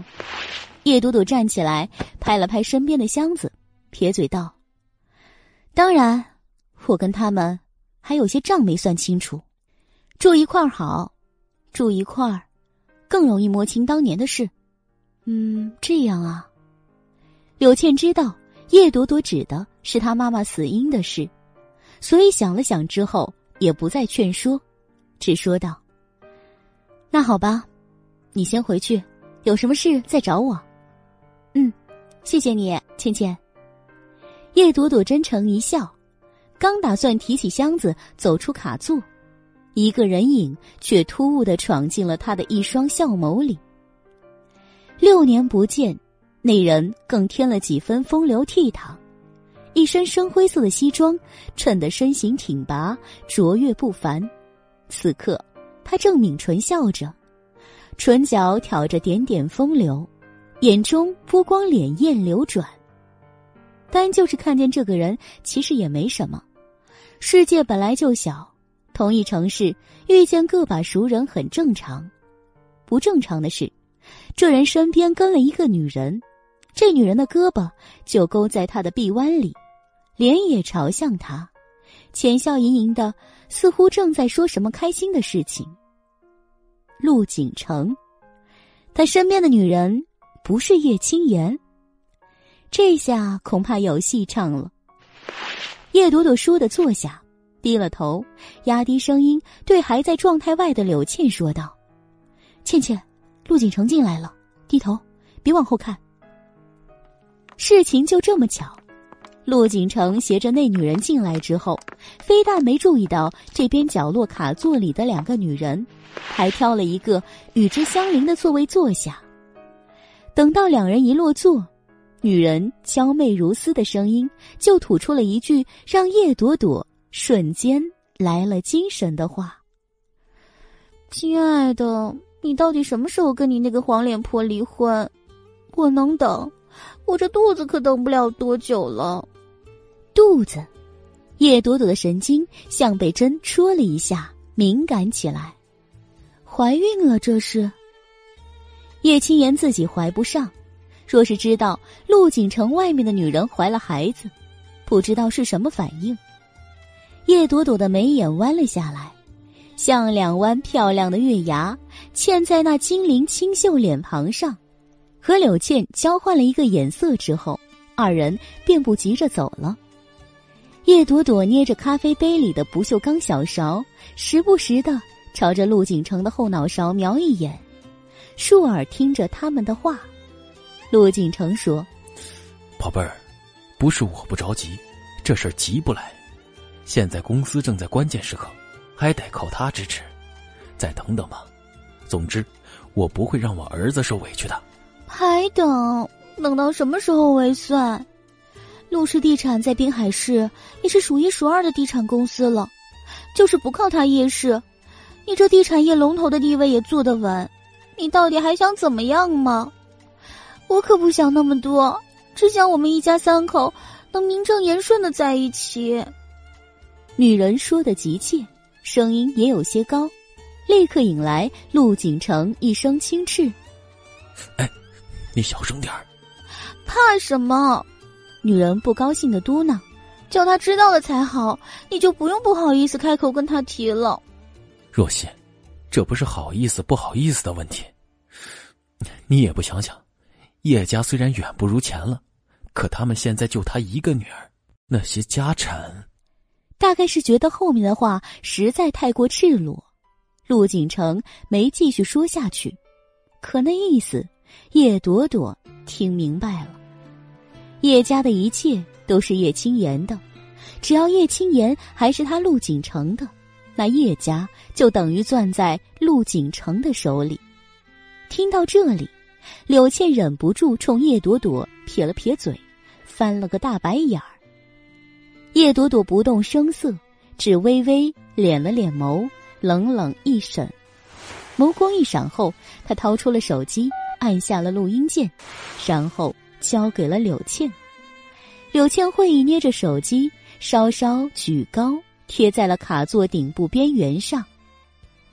前面两人又絮絮叨叨说了些话，陆景城费了不少口舌，后来又答应把那个女人之前看好的什么首饰买来送她，才算把女人的嘴给堵上了。为了不引起陆景城的注意。叶朵朵和柳倩一直等到这二人离开后，才起身离开。手机录音能力不如录音笔，录下来的对话有些模糊。不过这也没关系，叶朵朵并没有想好到底要怎么利用今天这个偶然得来的发现，只是先留着备用。跟柳倩分开之后，叶朵朵就提着箱子回了叶家。这个点儿。叶明远和梁芬都不在，叶朵朵本以为他可以顺利进门，却没想到上次爽快放他进去的张妈，这次竟不开门了。小姐，您别怪我，太太上次把我大骂了一顿，说再私自放您进去就不许我在叶家了。我这么大年纪了，再想找个好地方也难。小姐，对不起。张妈一直低着头，不敢看叶朵朵，双手也紧紧捏着衣服下摆。瞧得出来，这么对昔日的大小姐，她心里也是不好受的。叶朵朵虽气愤梁芬，却没有迁怒一个佣人。想了想，便温婉的笑了笑：“没关系，我在这里等爸爸。”等待从下午四点一直持续到了晚上七点，三个小时。夜风寒凉，别墅外寂静成黑，只有路灯散着暗黄的冷灰。这期间，张妈看不下去，送过吃喝给他，还送过凳子给他，但是都被他给拒绝了。想进这个门儿，没点可怜的样子是不行的。如今的情势，他算是孤军奋战，想要查清当年妈妈的死因，他就得在这个家待下去；而想要名正言顺、安安稳稳的待着，抓住父亲叶明远的心，又最为重要。他已不是十八岁的年纪，不会再跟他们硬着作对，所以今天，他在这里站了三个小时。十一月的天气，夜风拂面。让衣衫单薄的人不由得打冷静。箱子里有衣服，叶朵朵没取出来，她只是双手环胸抱着自己，面对着马路方向张望。看了一会儿，还是觉得冷，她就在原地来回的踱起了步子，活动起来总会暖和一点。叶朵朵这样踱步踱了很久，久到叶明远的车缓缓驶来。透过车窗，叶明远第一眼看到的就是叶朵朵低着头，双臂紧抱着自己，来回踱步取暖的样子。两束光线照射到脚下，叶朵朵停下了脚步。等到车子停下来，他才调整出一脸惊喜的表情，慌忙跑了过去。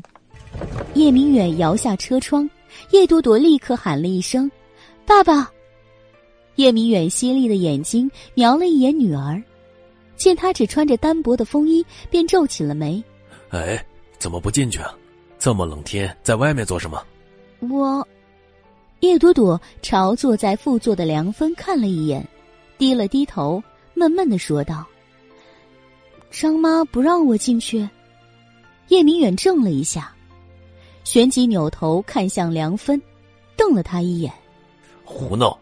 明远，梁峰弯了叶朵朵一眼，转向明远，又是一副温柔端庄的表情。张妈也是，人老了也糊涂了。我是让他朵朵再回来，先告诉我一声，免得朵朵再和青岩碰上，闹什么矛盾嘛。朵朵也是我看着长大的，青岩又是我亲生的，手心手背都是肉，老这么闹，我这当妈的看着也难受。所以才想着最好让他们错开嘛？梁芬年近五十了，保养的宛如三十岁少妇不说，这声音也嫩的不输给年轻女子，说话的时候还爱加妈，让那话听起来更是透着撒娇的味道。叶朵朵记得，叶明远很久以前就对她夸赞过梁芬的贤惠善良。那时候，王月如刚过世不久，叶明远对他说：“朵朵，你放心，梁阿姨一定会像你妈妈一样疼你。”喏，这就是他的好妈妈。对佣人吩咐不让他进门，对着父亲一把年纪还撒娇找借口，这可真是疼他。叶朵朵低着头不吭声，等了一会儿，才听叶明远。明显放软了声音，冲梁芬说道：“错开什么？亲姐妹还能老死不相往来？”话说完，叶明远便转向了他：“回家去。”谢谢爸爸。叶朵朵乖巧的感激着。叶明远皱了皱眉，没再说什么，只摇上了车窗，吩咐司机开进去。进去之后，当着叶明远的面。梁芬上下张罗着，让人给叶朵朵收拾了以前的屋子。叶明远似乎累了，晚上也没多说。这一夜就这么平静的过去了。他没想到的是，平静了一晚，第二天就出事了。感谢您收听都市言情小说《总裁的恶魔小七》。欢迎收听都市言情小说《总裁的恶魔小七》，作者：初寒，演播：八一六和叶儿不轻，后期制作：千雪，由喜马拉雅荣誉出品。第六集，第二天，叶朵朵哪儿也没去。叶明远和梁芬走后，他就待在家里。离家太久，许多东西都不一样了。他要花点心思看看想想。这栋别墅里，包括张妈在内，有三个佣人，还是六年前的老人。这一天中，大部分的时间，叶朵朵都用在和他们套近乎、诉旧情上。聊了一番下来，叶朵朵心里也有了计较。谁心里还有他？谁已经完全倒向了梁芬母女？他也算摸清楚了。时间滑到晚上九点多，已经吃过，靠在床上上网的叶朵朵，被一阵急迫的拍门声惊了一下。开了门，门外站着的是张妈，她一脸焦急的对叶朵朵说：“小姐，太太打电话回来，说老爷出了车祸，让你赶紧去医院。”车祸，叶朵朵心沉了一下，没再说什么，转身换了衣服，收拾了东西。就去了医院，去了一打听，叶明远已经转入了病房，倒没什么生命危险，只不过头上破了个口子，缝了几针，另外有点脑震荡，需要静养几天。叶明远这种年纪的人经不得这些，稍微出点事儿，整个人的精神就垮了一大截，所以叶朵朵一进门看见他时，还吓了一跳。那气息样样的样子，看起来跟快临终了差不多。爸，您怎么样了？要紧不要紧？叶朵朵问道。她眉心紧拧，脸上担忧的表情很真切。叶明远头上绑着白纱布，脸色跟纱布颜色差不多。闻言，抬眼看看他，只气弱的说了两个字：“没事。”他这话一说完，梁芬就哭了起来。什么没事啊？你都这样了，还说没事？医生说了，那力道如果再重点，你可就……明远，你说你要是有个三长两短的，我和青言，我们可怎么办？依靠谁去啊？梁芬呜呜的哭着，右手攥着放在鼻尖下，时不时吸吸鼻子，抽打两下，那眼泪。倒也是真实的。躺在床上的叶明远没说什么。正在这时候，叶青言也闻讯赶来了，跟他一起来的还有陆景城。叶青言已跟他提过叶朵朵回来的事情，所以看到叶朵朵，他脸上并没有太惊讶的表情，只不过在目光触碰到叶朵朵那张小脸的瞬间，他的心里。还是有了点儿不同的感觉。六年前，叶朵朵是一朵小花，虽也俏丽可人，但是比起叶青言那种妖艳的玫瑰花，她还是少了一点妩媚勾人，所以她才会觊觎了叶朵朵之后，又上了叶青言的床。但是现在，看惯了各式玫瑰牡丹之后，此时如清水芙蓉一般的叶朵朵。对他来说，就好像一股扑面而来的清风，含着些许淡雅，不浓烈，却萦绕在心间，叫人心神为之荡漾。今天的叶朵朵长发披肩，穿着粉色茧型大衣，没有其他的装饰，只如雪的肤色，明净清澈的眼眸，便能让她显得极其清丽脱俗，宛若空谷幽兰。看见陆景城，叶朵朵微微抿了抿唇，那笑仿佛蒙了一层薄雾，似笑又非笑，叫人辨不真切他的情绪。但对于陆景城来说，叶朵朵什么情绪他并不关心，他想的只是，六年不见，他的味道好像变了。心思正在游移时。他身旁的叶青言突然冲着梁芬生气的叫了起来：“妈，你怎么回事啊？那老和尚说的话你都忘了？你怎么还让叶朵朵进门？这不是害了爸爸吗？”叶青言今天一声吼，叶朵朵心里就咯噔了一下。他不知道那老和尚是什么鬼，但是很显然，这个鬼对他很不利。果然，下一秒梁芬便哭哭啼啼的说开了：“你这孩子，开佛寺的大师傅虽然说了今年咱们家扫把星当头，恐有血光之灾。可朵朵总是你妹妹，总不能大师傅说的生辰八字和她正好相符，你就不让她进家门啊？她孤零零的一个女孩，你不让她回家，她去哪儿？快别说了，扫把星就扫把星吧，有什么灾啊难的，我一个人担着，千万别委屈了朵朵。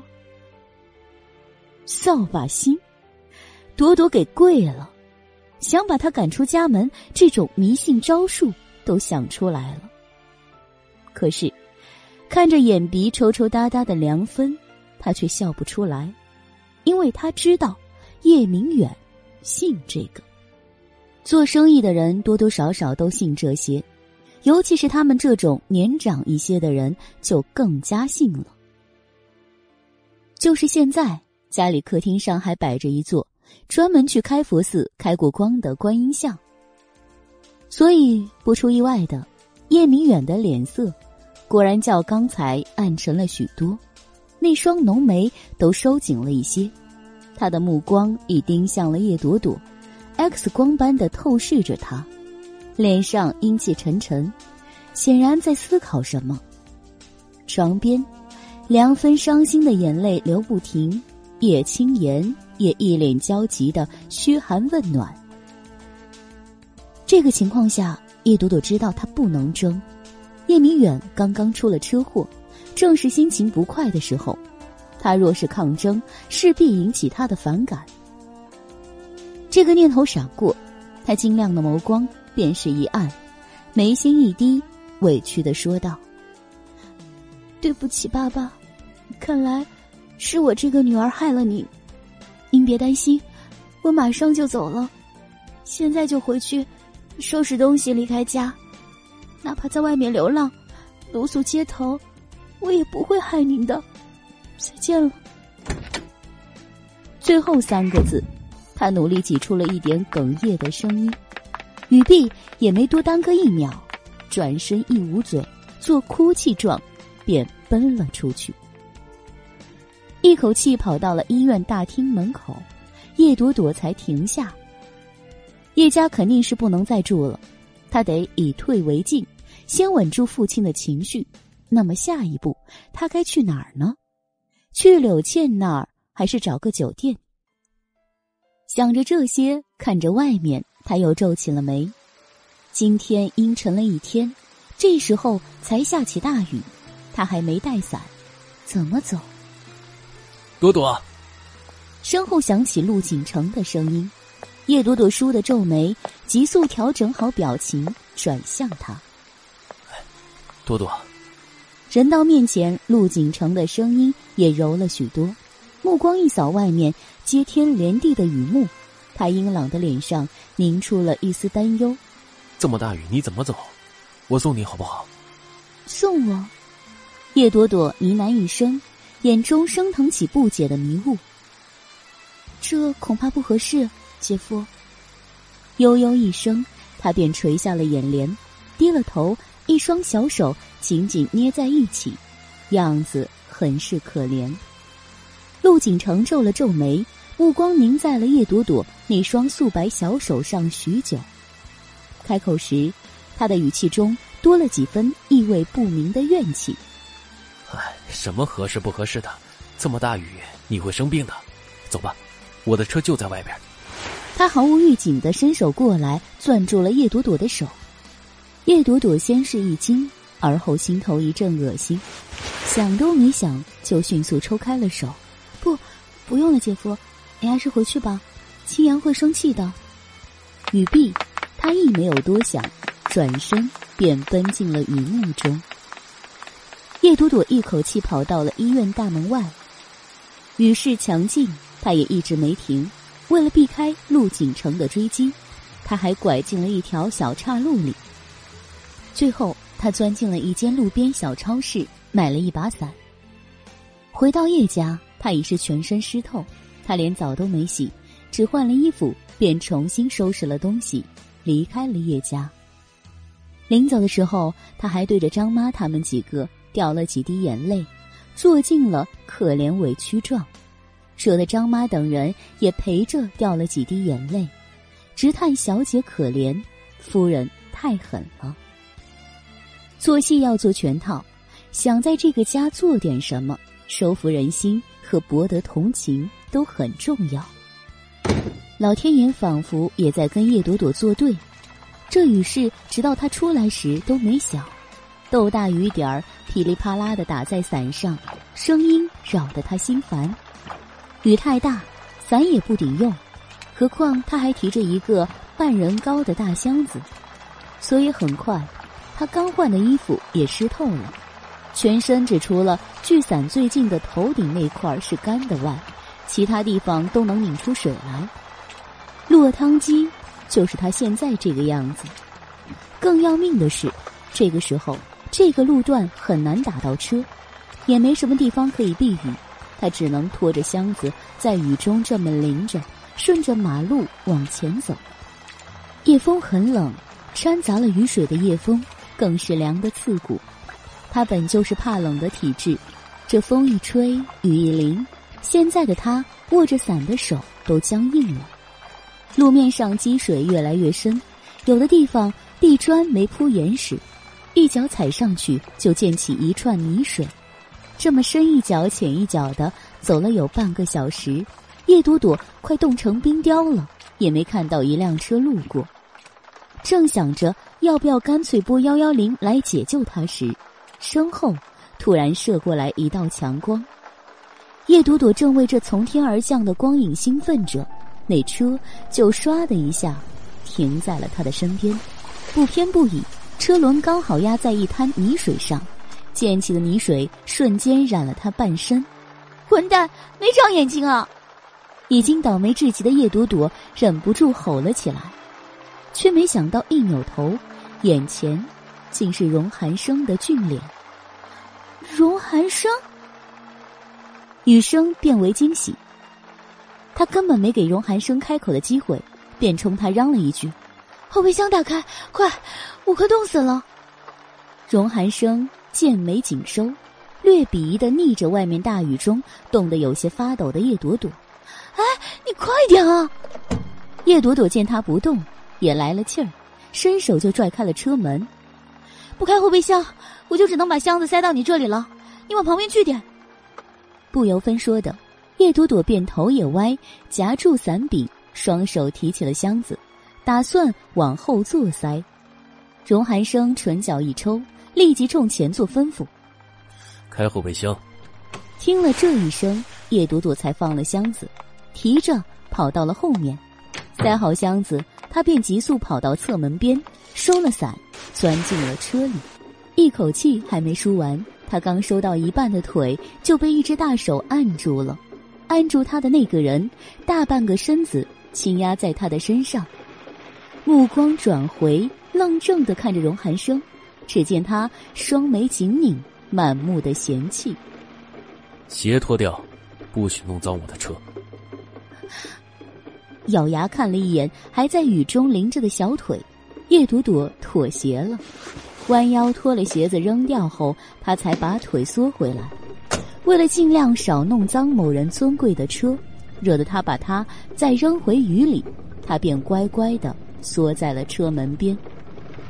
安静的坐了一会儿，扭头看看荣寒生，那丫的竟然还在用那副嫌弃到死的表情睨着他。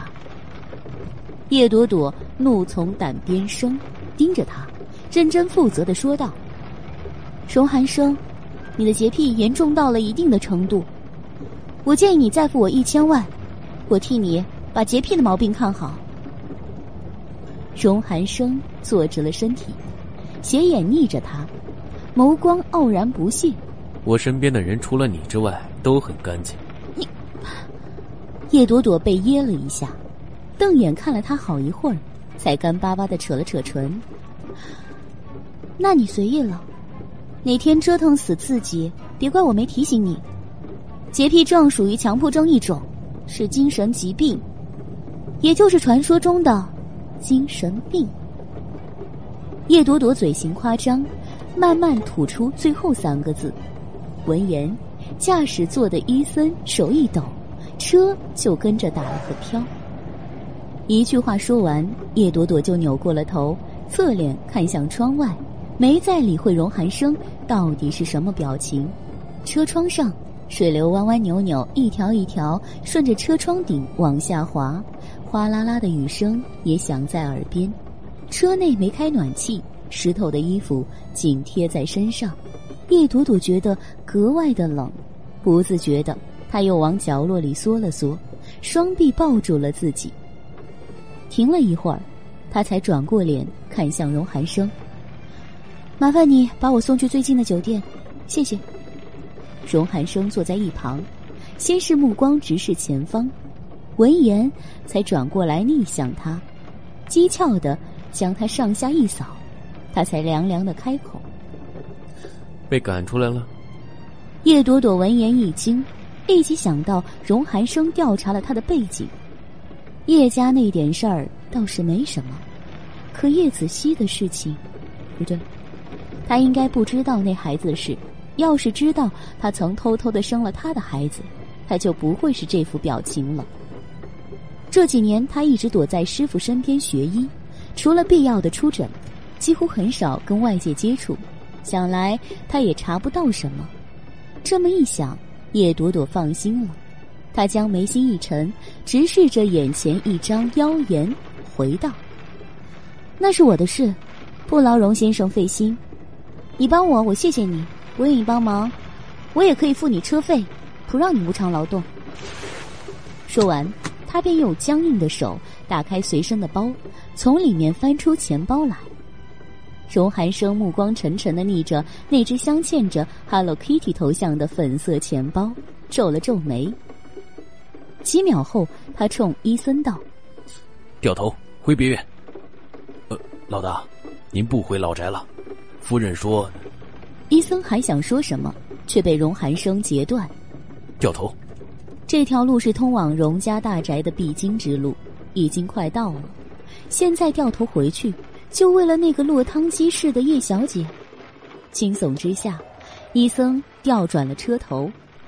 叶朵朵以为荣寒生会在回去的时候顺道送他去酒店，却没有想到那车一直开到了别院里。车停下在主屋门口时，还在愕然状态中的他，听见荣寒生对着伊森吩咐了一声：“抱他下来，直接扔进浴缸里，免得弄脏我的地板。”闻言，叶朵朵气急，本想吼一嗓子，转念一想，住一晚就一晚。还省了他一晚的房钱，于是又把话忍了回去。荣先生先下车，立在廊檐下，紧紧的盯着叶朵朵所坐的侧门，那模样，活像在防贼。洁癖到这种程度，这男人也是没救了。哼！叶朵朵鄙夷的哼了一声，懒得生事，便就着伊森的手，由他抱着下了车。自己的要求被严格执行，荣寒生却没有松开眉头，那双斜飞的眉反倒揪得更紧了。言外，雨声落得心烦，荣寒生紧抿着薄唇，跟在伊森后面走进了主屋。十秒后，站住！一声轻喝下，荣寒生长腿一甩，掠到伊森前面，一个字没多说。他伸手将叶朵朵从伊森的怀里接了过来，之后抱着她稳步走向了他之前的房间。怕地板弄脏，却不怕自己身上弄脏，老大，你的逻辑好感人呐！伊森盯着荣寒生俊朗挺拔的背影，嘀咕了一句：“感谢您收听都市言情小说《总裁的恶魔小七》。”欢迎收听都市言情小说《总裁的恶魔小七》，作者：初寒，演播：八一六和叶儿不清，后期制作：千雪，由喜马拉雅荣誉出品。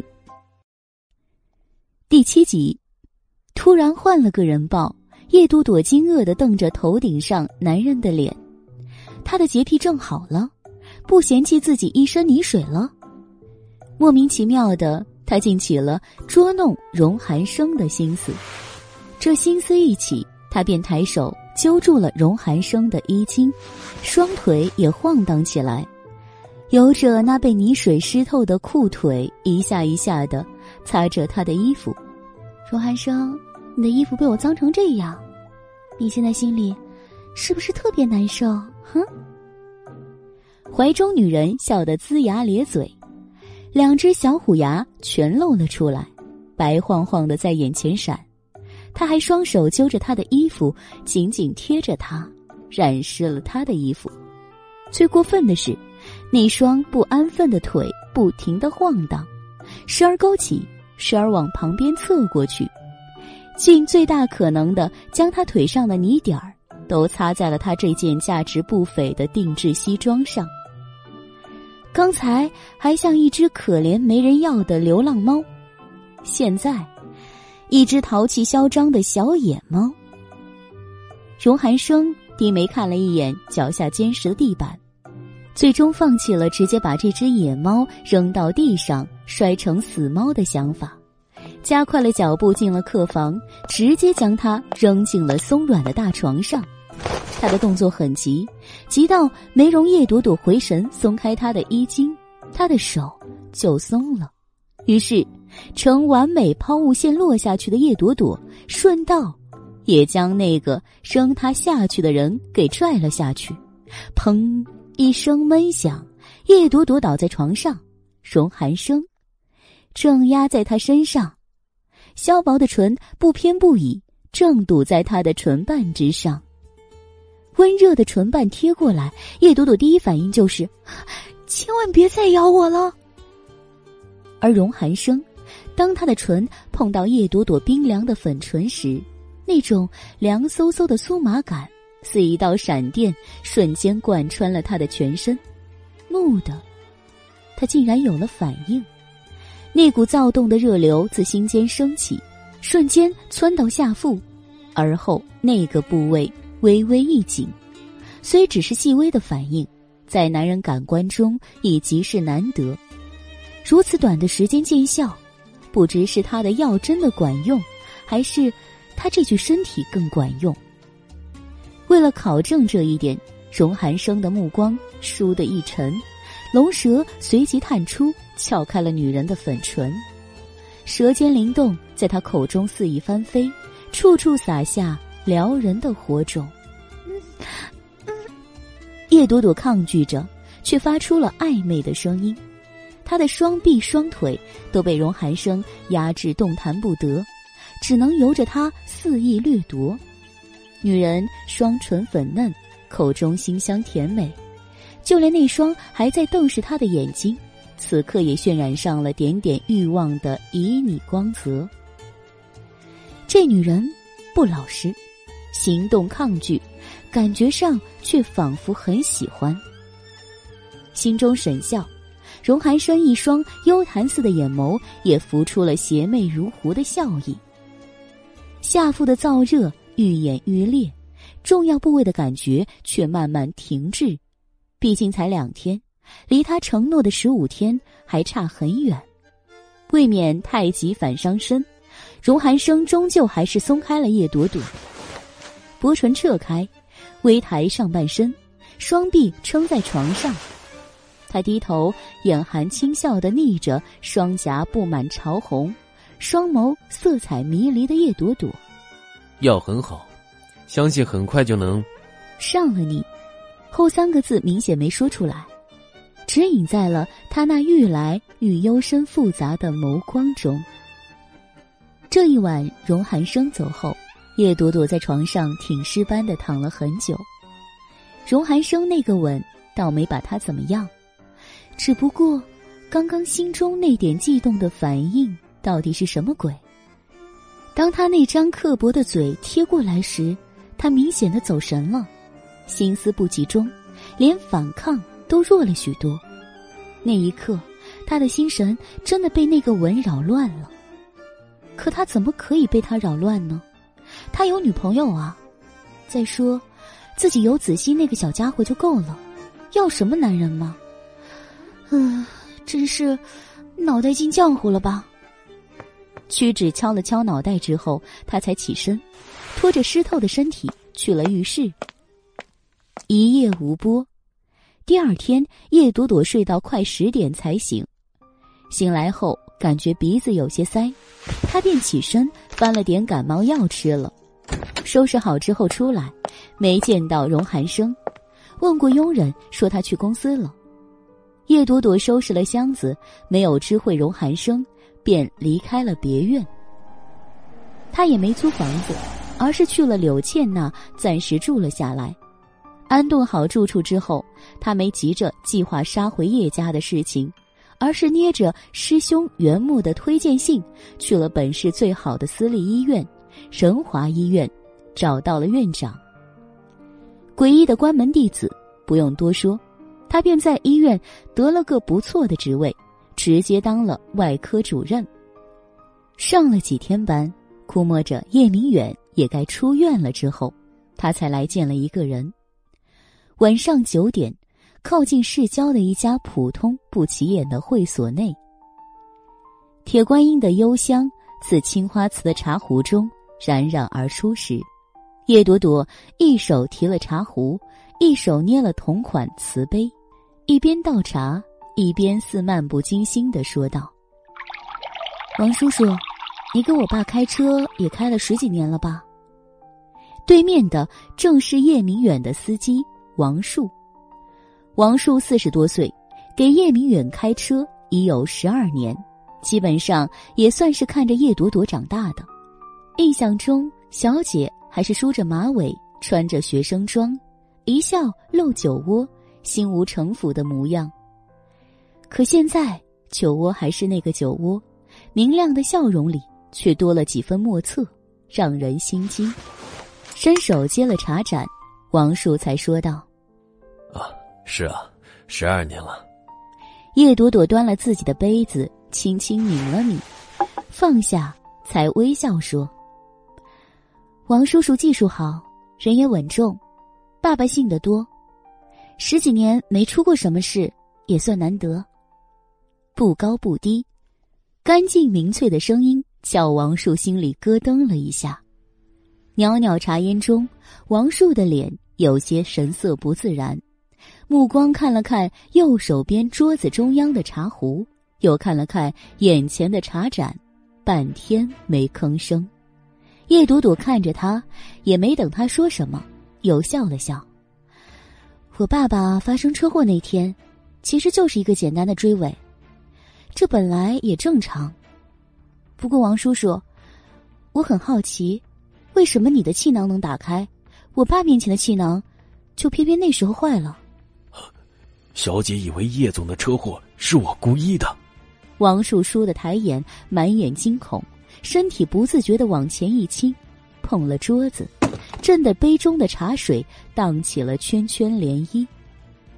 叶朵朵缓缓垂眸，目光在自己面前的茶盏上轻点了一下，抿唇淡然说道：“王叔叔别怕。”有些事我知道，但我不会跟爸爸说。我只是想让王叔叔帮我一个忙。目光挑起，很平静的凝在王树脸上，可就是这平静的目光，却似投射光一样，直射进王树的心里，盯得他直发毛。哎，小姐，请说。他捧起了茶盏，顾不上怀臂的滚烫，双手紧紧抱着。同时，下意识的低了脸，不敢看叶朵朵。叶朵朵对他的心虚视若不见，微笑着说：“其实也没什么，就是吧。我看爸爸管着这么大的公司也很辛苦，我呢，多年不在家，就是想尽点力帮个忙什么的。这一时也不知道从哪儿下手。王叔，你看，你能不能把公司近期的情况给我说说？”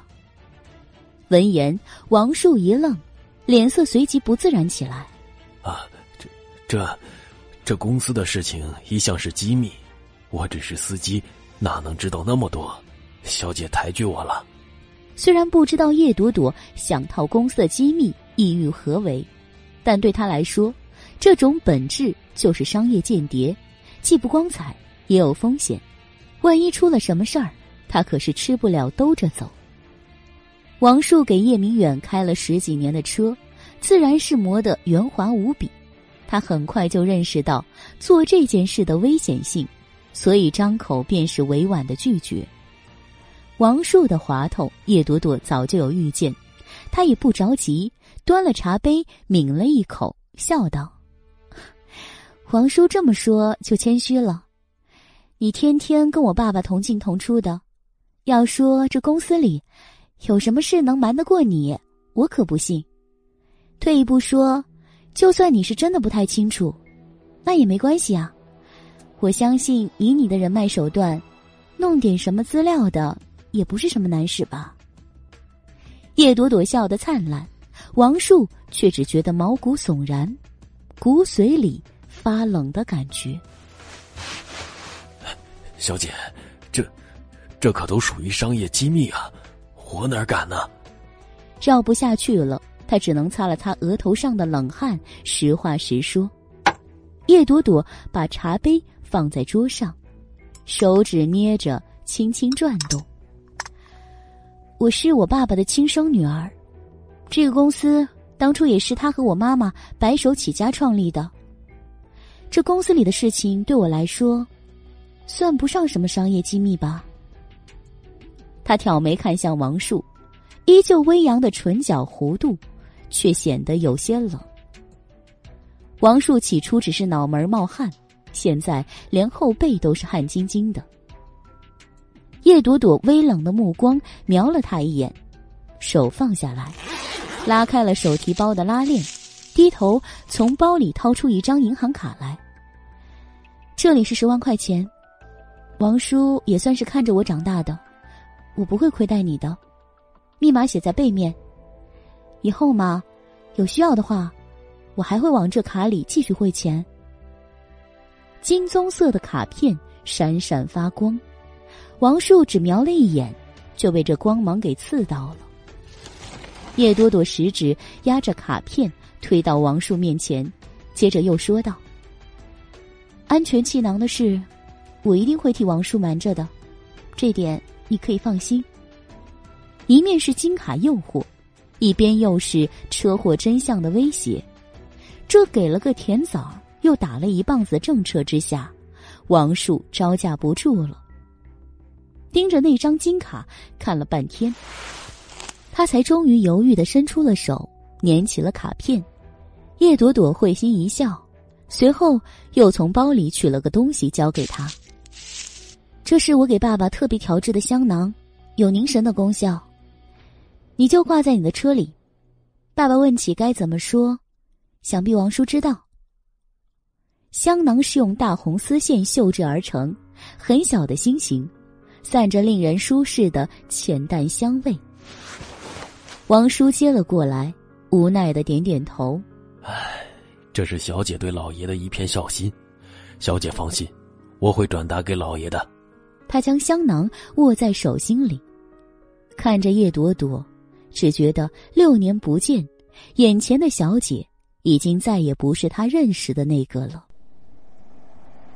跟王树见过面之后，叶朵朵便回了柳倩家。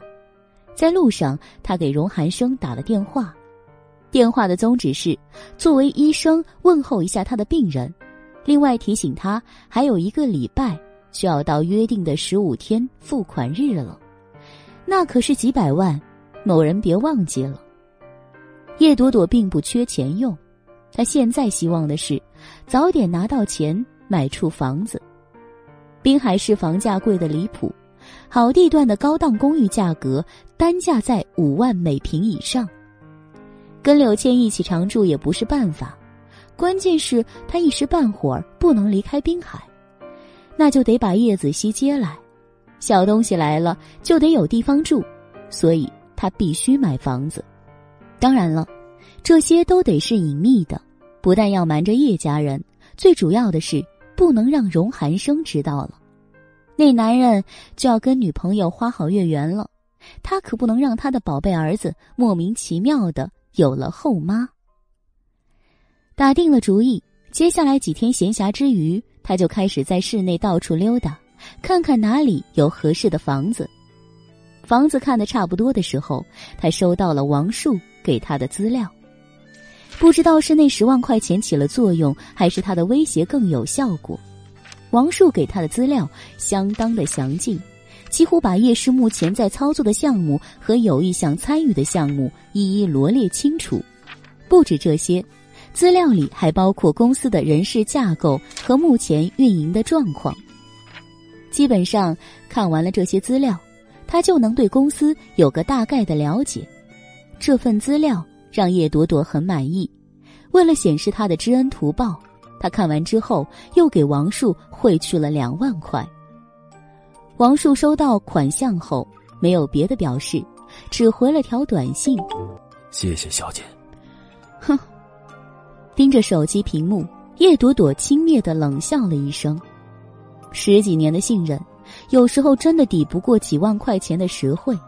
更何况，他现在除了给了实惠，还抓住了他的把柄。那么以后，这个人就只能为他所用了。回滨海以来，这算是个阶段性的小胜利吧。手里捏着厚厚的资料，叶朵朵高兴了两天。两天之后，另一件让他更高兴的事情来了，他的银行卡里收到了荣寒生的尾款，八百万，够他买一间很好的公寓了。核实好账目之后，叶朵朵喜滋滋的掏出了电话，准备打给荣寒生表示感谢，但是，一翻到荣寒生的号码，他又改了主意。感谢是需要感谢的，不过不能打电话，他得亲自去一趟。因为除了感谢他按时付款这样的客套话之外，他找他还另有要事，这件事相当重要，而且迫在眉睫。他能不能顺利的重回叶家，就全靠这件事儿了。打定了主意，叶朵朵将手机又塞回了包里，离开银行后直奔住处而去。去见荣寒生吗？他得先打扮一下。人都说了。女人化妆不是为了自己，是为了尊重别人，所以为了表示他的尊重、他的重视，他得先把自己捯饬的养眼一点儿。抱着这个信念，叶朵朵在家足足装扮了两个小时。两个小时后，她出了门，奔地勤总部而去。地勤是荣家旗下的产业，荣寒生在这里就职。叶朵朵也不确定他此时在不在公司。但他还是先来了。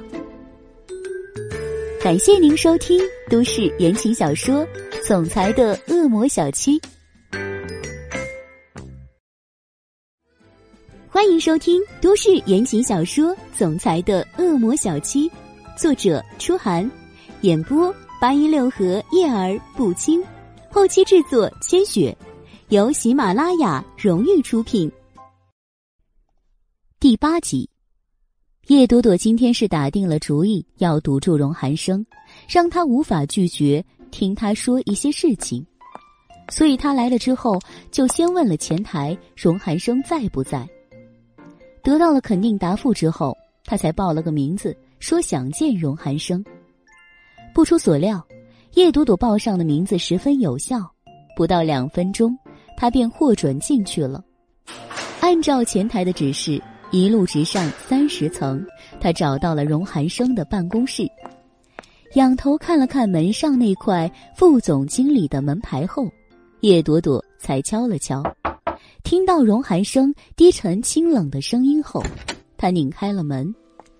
工作中的荣寒生看起来很正经，西装革履，一丝不苟，低头批阅着文件，看上去严肃又认真。不过很快。当他抬起头看清楚眼前这张脸的时候，他的情绪就有些波动了。怎么是你？荣寒生凝眉盯着叶朵朵，表情上除了惊愕之外，竟还有点不耐烦，那样子活像他是个讨债鬼。这点不耐烦让叶朵朵很受打击，也很不高兴。信步一直走到荣寒生对面后，他故意咧嘴，灿烂的笑道。怎么不能是我呀？你这地方这么难进，本姑娘总是要用点小小的计策吗？他歪着脑袋，笑眯眯的伸手捏着拇指和食指，模样十分得意。刚才在前台那里，他报的不是自己的名字，而是“林寒”两个字。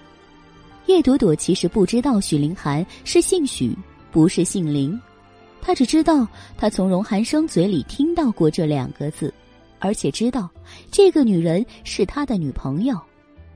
自己贸然求见荣寒生，不一定会召见他，但是女朋友驾到，他就不得不见了。叶朵朵为自己的聪慧点赞，她这自鸣得意的表情落入了荣寒生的眼中。却让他的眉间添了一抹暗色。那你处心积虑的进来是想干什么？讹钱？啊，别这么说嘛，我也没讹过你钱啊。叶朵朵收了笑容，撇了撇嘴，心中暗道：果然商人逐利，不管什么事，首先想到的是钱。看来要了他一千万，他很肉疼啊。他心里想着。荣寒生冷冷哼了一声，讥诮道：“那不然呢？难道你是好心来免费进行售后服务的？售后服务，他治的是他那方面的毛病，这售后该服务啥？”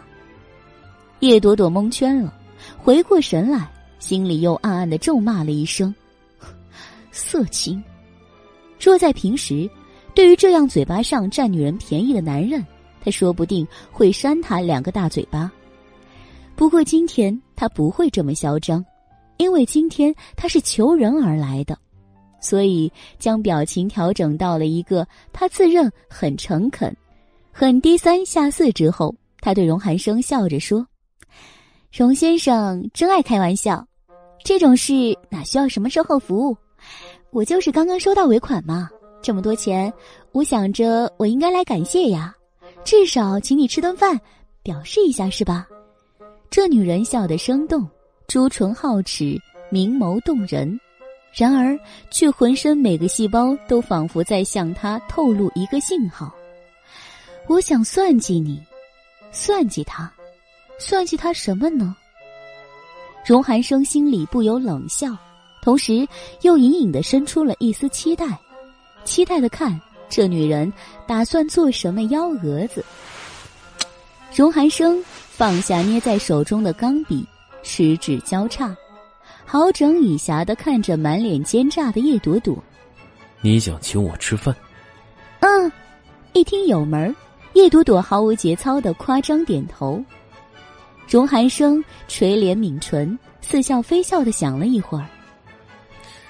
那好吧，刚好也快到了晚饭的点。不过，既然是你请我吃饭，地方是不是应该我来挑？那必须的。你说，叶朵朵答应的很爽快，原因无他，只是觉得一顿饭能吃掉多少钱呢？相比他所求的事来说，那简直不值一提。那好，现在就走。荣寒生也异常的痛快，说完就合上了资料，站了起来。他今天穿了一件浅蓝色条纹的衬衫。黑色的裤子，干练又清爽。走进叶朵朵时，他还闻到了一股若有似无的薄荷味儿。实话实说，这男人确实挺勾人的。叶朵朵的眼睛不自觉地瞄了瞄荣寒生精干的窄腰，莫名其妙的觉得心口一烫，连迈步跟上都忘了。见他不动，已经走到前面的荣寒生回头睨了他一眼。嗯发什么呆？啊，嗯，叶朵朵慌忙低下头，狠吞了几口口水，才将心里那股不合时宜的燥热压了下去。他真是昏了头了，向来视男人如粪土的他，怎么总对着他犯花痴呢？嗯，一定是最近太累了，思维都不清楚了。对，一定是这样。想得太投入，他嘀咕出了声音来。荣寒生微微皱眉，目光落在叶朵朵那满头乌黑水滑的头发上，嫌弃的开口：“你瞎嘀咕什么？”“啊，我啊，我我在想，等一下一定要多敬你几杯，表示感谢。”哈哈，被人抓包，叶朵朵下意识的抬手放在嘴边咬了咬，嘻哈一声后，快步上前，越过荣寒生，走在了前面。看着前面娇俏又稍显慌乱的背影，荣寒生讥讽的撇了撇嘴。出了公司，叶朵朵没有车，理所当然的上了荣寒生的车。荣寒生也没问他，直接将车开到了郊区一座私人山庄。这山庄看着没什么与众不同的，欧式风格，富丽典雅，又不显奢华浮躁，一看就是个非常有品位的地方。荣寒生对这里似乎很熟悉，到了餐厅连菜单都不用，直接报了几个叶朵朵听着有些晕的菜名。等上菜的时候，由叶朵朵起头，二人闲聊了起来。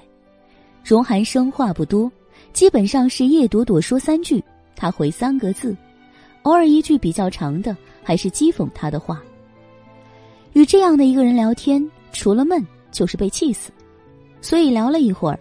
叶朵朵就有些不耐烦了，她伸手按了手提包，脑子里灵光一闪，满脸堆笑的看着荣寒生说道：“荣先生，你年纪轻轻就做了地勤集团的副总，很了不起哦。”“嗯，家族企业而已。”荣寒生淡淡的回应，假装没有看见对面女人脸上那明显的不能再明显的吹捧之意。叶朵朵这边。话已经开了头，接下来也就顺畅多了。据我所知，地勤的业务很广泛啊，房产、餐饮、科技、能源啊什么的，几乎热门的都有涉及哦，真了不起。荣先生，你说你这脑子怎么这么好用呢？这么大的集团，这么多事儿，怎么都记得住呢？荣先生，你这么年轻，能力这么好，关键是长得还这么帅，一定很多女孩追吧？叶小姐，有话请直说，太聒噪的女人惹人烦。被荣寒生一句话堵回来的叶朵朵，顿觉脸部僵硬，笑都笑不出来了。自己的谄媚表现的太明显了吗？她伸手摸了摸脸颊，心里嘀咕着。过了一会儿，她才尴尬的笑了笑，哼哼，真是什么事都瞒不过你。这时候，菜也上来了。荣寒生一边优雅的铺着餐巾，一边略微讥诮的挑眉看着叶朵朵，说吧，你想干什么？他本来是打算一直跟这个不怀好意又自诩聪慧的女人继续绕下去的，无奈他对这个女人的一张嘴接受无能，实在听不下去她的聒噪，只能把话挑明。叶朵朵听他这么直接的问了出来，也不打算藏着掖着了。当即就从包里掏出一叠文件来。叶氏想在西山温泉那边建个度假村，其他的工作都做好了，现在就只有其中一小块地皮有问题。据我所知，那块地皮是华夏置业旗下的地皮，他们买来一直没用，限制在那儿。叶氏本来想买过来，可到现在也没谈妥。那个华夏嘛，荣先生，应该是地勤的下属企业吧？叶朵朵张着晶亮的眸子盯着荣寒生，荣寒生刚刚拿起筷子的手顿了一下，挑眉看看他，浅不可见的勾了勾唇。所以你今天请我吃饭，其实是想让我帮你拿到那块地皮。聪明，叶朵朵咧嘴一笑，满口的小白牙晃得荣寒生不由得也跟着笑了起来。不过，他的笑。有点讥讽之意。夹了一筷子香煎鹅肝，入口品过之后，荣寒生才轻哼道：“哼，如果每个人都是请我吃顿饭，就要我一块地皮的话，我看我很快就要破产了。”啊，也不能这么说嘛。叶朵朵不死心的继续忽悠：“也没问你白要，就是希望你知会华夏那边一声，让他们同意把地皮卖给叶氏就行了。”你们又不损失什么，再说，我这不还刚刚帮过你一个大忙吗？现在就求你帮个小忙而已，别这么不近人情嘛。闻言，荣寒生的唇角抽了抽，盯着叶朵朵眉飞色舞的小脸看了一会儿，他才语气平淡的说道：“先吃饭，工作的事情吃完再谈。”说完，他拿起红酒瓶，亲自给叶朵朵倒了半杯红酒。然后又给自己倒了半杯。酒瓶放下，他他端起了酒杯，朝叶朵朵示意了一下：“好好吃完这顿饭，我可以考虑。”叶朵朵一听有希望，哪还敢不举杯？当下就爽快的陪着他又喝又吃起来。只不过他叶朵朵哪儿哪儿都好，就是酒量浅的感人。舍命陪君子的结果，就是没几杯下去，他就面色潮红，醉眼迷离了。思维依旧清晰的荣寒生看着在座位上坐着就有些东倒西歪的叶朵朵，唇边不自觉的掠出了一丝魔性的笑意。一顿饭就想求他办事，这女人真是单纯的可爱。不过也好，送上门来的不要白不要。而且来的时间也正好，刚好用他自己验证一下他的医术如何。心念一闪，荣寒生眼中乍现出雀跃的光芒。吃喝的差不多了，他便起身，走到叶朵朵这边，伸手将还有点意识的他拉了起来。叶朵朵张着醉眼盯着荣寒生，依旧不忘他的初衷，问道。我陪你饭也吃了，酒也喝了，地皮的事，你答不答应啊？香甜的红酒味儿扑面而来，荣寒生的目光落在叶朵朵脸颊的那两朵红云上，看了一会儿，又突然笑了笑。一直到被荣寒生拖出餐厅，叶朵朵都没有听到他想要的答案。荣寒生自那个神秘莫测的微笑之后，就一言不发，什么也没说。非但如此，他居然没把他带出山庄回市里去，而是一路拖着将他带到了客房里。门，砰的一声关上了。对上荣寒生那双幽深邪气如狼的眼眸，起初还有些小小疑惑的叶朵朵，才终于相信大事不妙了。你呃，你想干什么？喝多了，舌头有些打结。不过被那惊天动地的关门声一吓，他现在的意识倒比刚刚清醒多了。荣寒生双臂紧紧圈在他的腰间，低眉浅笑的欣赏着他的慌乱。作为医生，你好像整整一晚上都没有问过我的病情如何了。这不用问啊。我对自己的医术有信心。叶朵朵嘴上说着，身子不停的扭动，挣不开，又皱眉瞪向荣寒生：“你可别想什么歪主意，墙上这招对我无效。”“哦，为什么？”“因为我是诡异的弟子啊。”拎出自己的老师来，叶朵朵终于有了点底气。我的本事你也领教过了。你要是敢趁人之危，我可有很多招数等着你。而且，虽然这话说的很有底气，可看着荣寒生那双幽深的不见底的眼睛，叶朵朵还是心虚了，吞了吞口水，才说道：“你要知道，你可刚刚痊愈，这你情我愿的时候吧，你肯定没什么障碍了。可要是来硬的话，哈哈。”别怪我没提醒你啊！欲速不达，别再整坏了，又得花一千万，请我帮你治。瞪眼看了叶朵朵一会儿，他恨铁不成钢的摇了摇头。叶小姐，你的性别是女，豪放如他，说出来的话，他一个男人都觉得汗颜，尤其是想到他这话还是对着他来的。他立刻就生出了想掐死他的冲动，不过，该死的，他这话好像也有点道理。瞧他这不配合的样子，还真怕是欲速不达。荣寒生平生第一次产生了一种无比纠结的情绪，手臂不自觉的收紧，他恨不能将这个妖精般的女人揉进身体里去。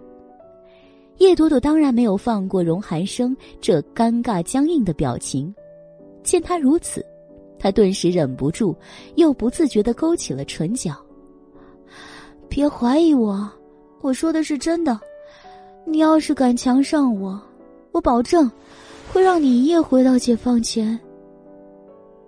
叶朵朵不怕死的伸出一根手指，在荣寒生面前晃了晃，盯着他紧绷的脸，还想继续大放厥词。荣先生，叶朵朵，荣寒生低吼一声，双臂收了一下，改为双手掐住了叶朵朵的腰。闭上你的嘴，再敢说一个字，你那什么地皮，毛都别想得到一根。地皮。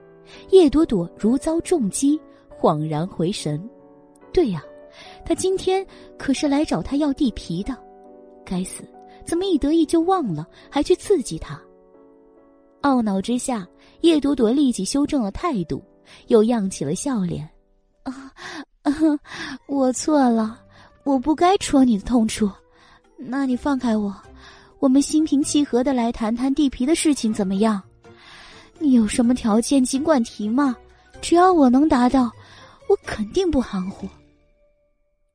求人办事，大多数时候都需要给出对等的好处，这点叶朵朵也知道。只不过，他可没想到荣寒生会提出这样的条件来。感谢您收听都市言情小说《总裁的恶魔小七》。欢迎收听都市言情小说《总裁的恶魔小七》，作者：初寒，演播：八音六合叶儿不轻，后期制作：千雪，由喜马拉雅荣誉出品。第九集，地皮的事情我帮你，跟我一段时间怎么样？荣寒生声音朗朗，字吐得相当清楚，意思也表达的明白无误，但是叶朵朵听了。却眨了眨眼睛，一脸懵逼状的看着荣寒生。丫的，想睡他一晚都不够，还想长久的睡他？叶子熙呀，你怎么会有这么一个无耻的爹？叶朵朵很不厚道的，连叶子熙都鄙视上了。想了想，他扬眉，粉唇拧成一字形，说道：“荣先生，你也是个有身份的人。”钱又多，我想，应该不会在这种事上强人所难吧？我靠手艺吃饭，可不是你想的那种人。谈生意我们就谈生意，说这些不会显得太粗俗了吗？粗俗。荣寒生眼中星光熠熠，挑着长眉，仿佛叶朵朵在说什么异常可笑的笑话。我是在征询你的意见，并没有强迫。你跟我，我给你地皮，不止地皮，以后还可以有别的好处，怎么样？这买卖你好像不吃亏。这话说完，荣寒生那两只掐在他腰间的手又很恶趣的往里面掐了下。叶朵朵疼的一皱眉，美目一瞪：“荣先生，我卖艺不卖身，地皮你爱给给，不给拉倒，算我脑袋被驴踢了。想起来找你帮忙。”放开我！他拼命的扭了一下，荣寒生先是没有松手，盯着叶朵朵怒气满满的脸看了一会儿，才倏然勾唇，而后松了手。行，你硬气，看你还能硬多久，我拭目以待。荣寒生收回手，自然的插在裤子口袋里，好整以暇的看着气羞羞的叶朵朵。叶朵朵扯了扯刚才被揉皱的衣服，翻了他一记白眼，没说话。他本来想帮着叶氏拿到这块地皮，以此讨得叶明远的欢心，让他重新回到叶家去，那样他就可以近距离的接触他们，进一步查出妈妈当年的死因。可现在荣寒生这个混蛋摆明了不肯帮忙，他又得另想办法了。叶朵朵有些烦躁的撩了撩耳旁的碎发，而后拽了荣寒生一把，赌气道：“让开，我要走了。你要是实在荷尔蒙旺盛，这里等着跟你上床的女人多的是，本姑娘没空。”说完，他就拉开了房门，头也不回的走了出去。荣寒生跟着叶朵朵的步子往外走了几步，刚站到外面，就见前面的叶朵朵突然站住，回了头。荣寒生，乍一听他的直呼其名，荣寒生微微怔了一下，随后他信步走到叶朵朵跟前，讥诮道：“怎么，这么快就后悔了？”“不是。”叶朵朵否定，两只大眼瞪得晶亮浑圆的盯着他。“我是想跟你约个期限，这件事你让我考虑几天，过几天给你答复。在此期间。”你不许背后给叶氏使绊子，你答应吗？闻言，荣寒生真的笑了。我就这么卑鄙？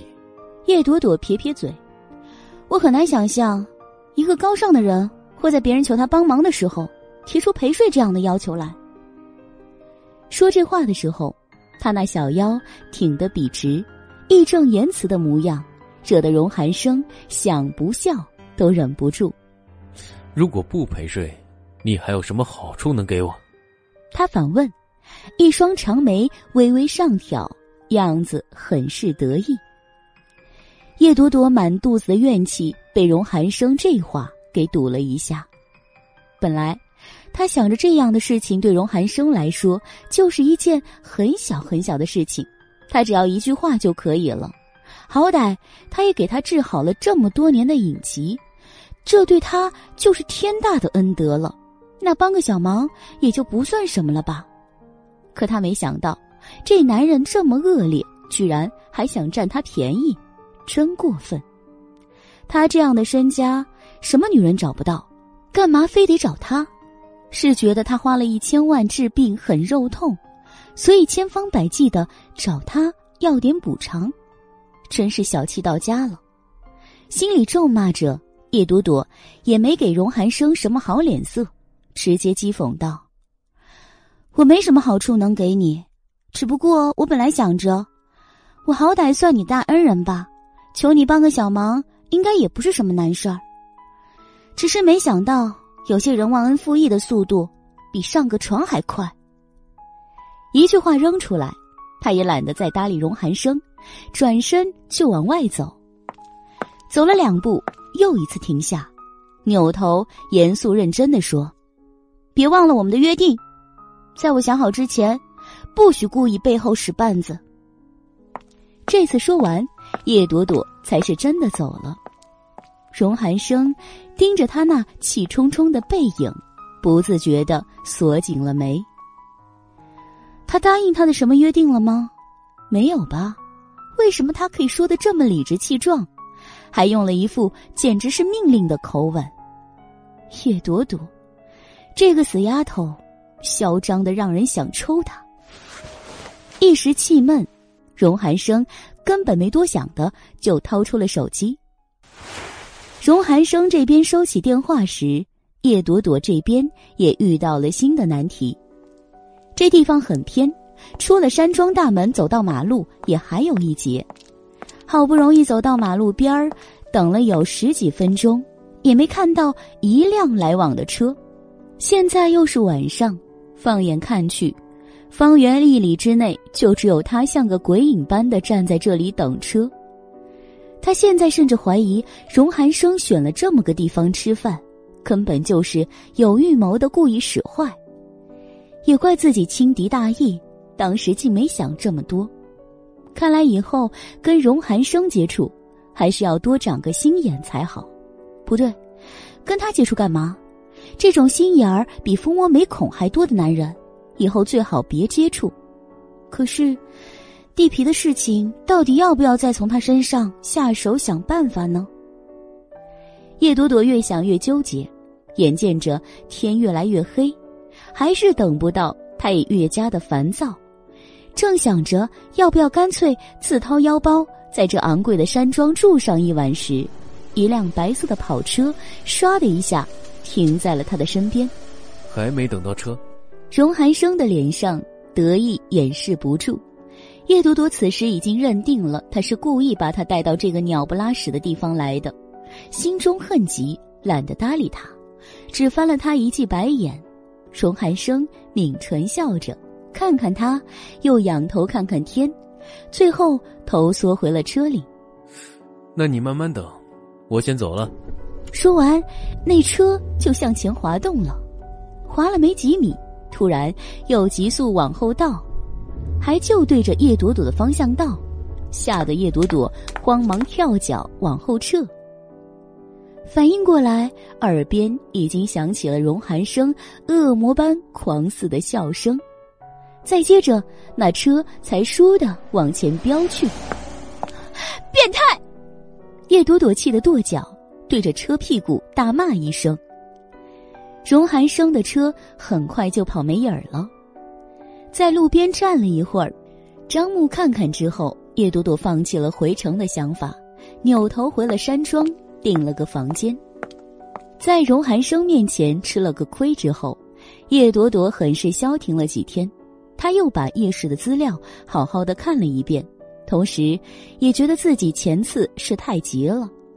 不该那么信心十足的去找荣寒生，但现在想这些也迟了。荣寒生那边已经是打草惊蛇了，再想通过他拿下那块地皮，就得下点狠料。什么狠料呢？想了几天，叶朵朵也没想出新招来。既然暂时没办法收拾荣寒生，他就转手做了另外一件事。这天是周末。秋高气爽，阳光明媚，是个能让人非常愉悦的天气。叶朵朵在这天早上九点的时候站到了叶家别墅门前。叶家人都没有早起的习惯，周末的这个点儿，他们应该刚起床没多久，没有离开家。叶朵朵之前订了台车，还没拿到，所以她是打车过来的。下车的时候，正在院子里忙活的张妈看见了她。在张妈还没来得及扭头装没看见他的时候，他就叫了他。张妈神色尴尬，硬扯出笑容来，走到门口：“小姐，你又来了。上次回来住了一晚，就狼狈的提着行李走了。这其中透露出来的信号，成了别墅里佣人们心里的一杆秤。在这个家里，说话算话的是夫人梁芬。”最受宝贝的大小姐叶青言，至于眼前这个嘛，人走茶凉，钱夫人已经死了这么多年了，这碗茶都成冰的了。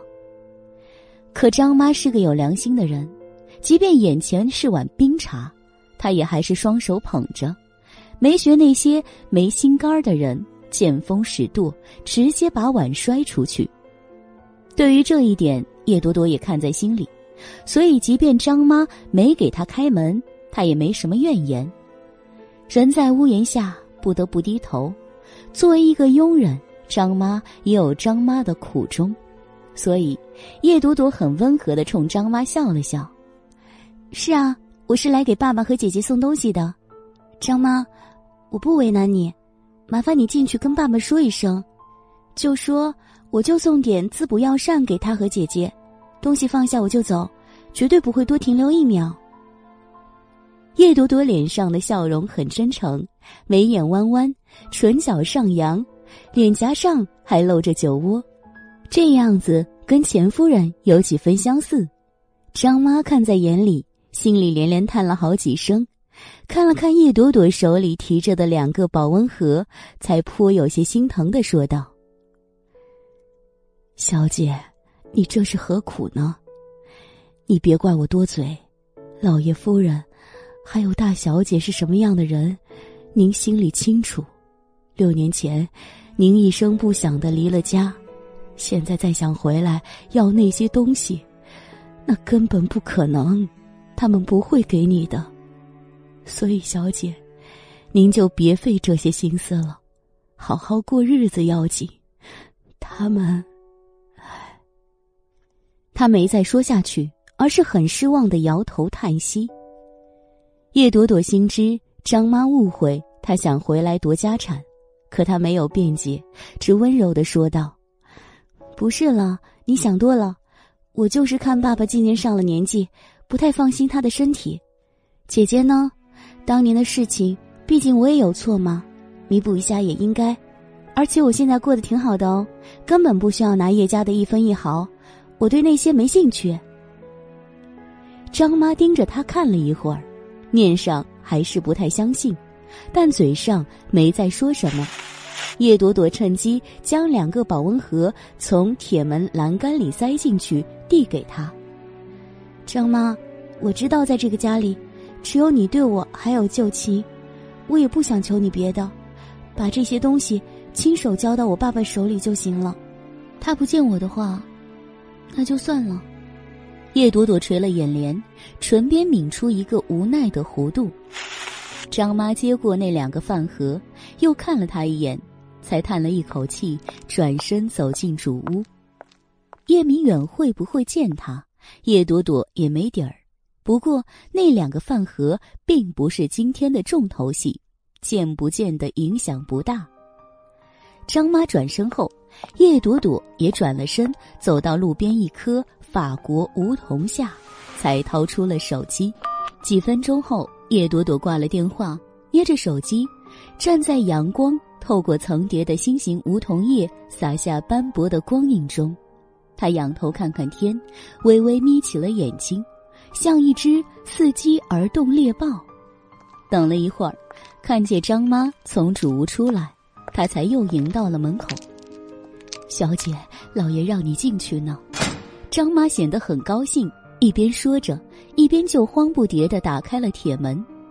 叶朵朵心里虽然庆幸叶明远还有点天良，肯见她这个女儿，可脸上她并没有表现出激动的神色，只是朝张妈淡淡的点了点头，说了声谢谢，就闪身进去了。主屋内，叶明远和梁芬正在吃早餐，乳白色的实木餐桌上。放着他带来的那两个保温饭盒，梁芬一见他就放了筷子，温和的冲他笑道：“朵朵来了，快坐，吃了吗？来人，给小姐添副碗筷。”不等叶朵朵回应，他就扭头吩咐佣人。这就是梁芬的聪明之处，当着叶明远的面，他极少对叶朵朵疾言厉色，绝大多数情况下，他都是一个慈母。叶朵朵看着梁芬堆了一脸的笑，心里凉凉的，唇边却也扯出了一抹微笑。谢谢阿姨，我吃过了。我今天来就是给爸爸送点自己煮的药膳汤。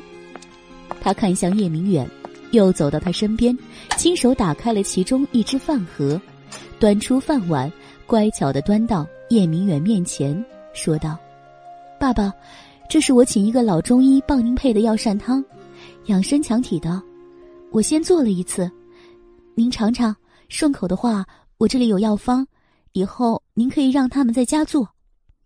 瞧着身边恭敬又有些卑微的女儿，听着她孝心十足的话，再想想自己当日住院时一言不发，默许他半夜离家的场景，叶明远心里有些不是滋味儿。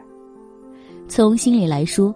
他原本还是很喜欢这个女儿的，要不是他的母亲是杨月琴的话，叶明远想，这个女儿现在应该还是他的心肝宝贝。只可惜十几年前那件事始终是他心头的一根刺，每每一看到女儿这张和母亲酷似的脸庞，他就有一种心惊肉跳的感觉。想起当年的事，叶明远有点闪神。直到叶朵朵又轻唤了一声“爸爸”，他才回神，拿起勺子，舀了一勺子汤送入口中。浓而不腻，药香淡淡，连表面的浮油都被撇得一干二净，可见这碗汤他的确用了心思。嗯，不错，这是什么？叶明远随意的舀了一块东西出来，问道。叶朵朵看了一眼，笑道：“这是三七啊。”能软化血管，预防心脑血管病，最适合您这个年纪还在动脑子的人了。哦，是吗？叶明远露出了喜色，赞许的看了叶朵朵一眼。当然了，您尝尝味道，我这里有药方。叶朵朵说着，就取了两张纸，恭敬的递给了梁芬。这是爸爸喝的这个，这张是给姐姐的。当年的事情是我不对。我对不起姐姐，这个方子是问一个很有经验的妇科中医要来的。他说，对姐姐这个情况很有用。阿姨，你帮我交给姐姐吧。另外，帮我跟她说声对不起。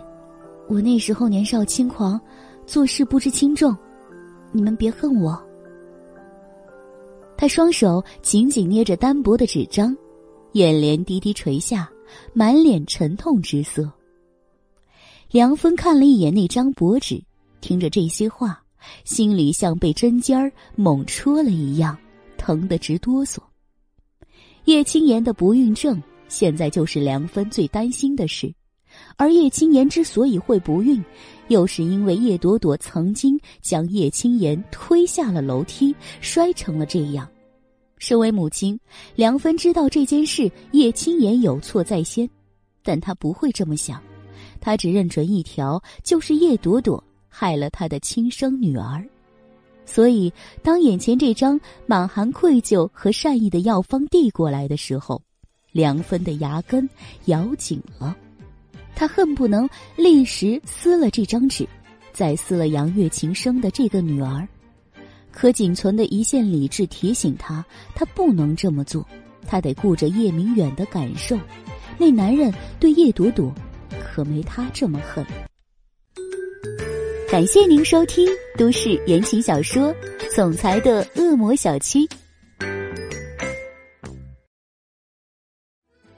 欢迎收听都市言情小说《总裁的恶魔小七》，作者：初寒，演播：八音六合叶儿不清，后期制作：千雪，由喜马拉雅荣誉出品。第十集，想到此处，梁芬压下了心头的恨意，扯了扯僵硬的脸颊，勉强挤出一丝笑意，接过了叶朵朵递来的纸，难为你了。这个我帮你给青言，过去的事就算了。你年纪小，也怪他自己不当心。青言那丫头就是性子倔了点儿，这个像你爸爸。回头我跟他说，让他别再为这事儿闹脾气了。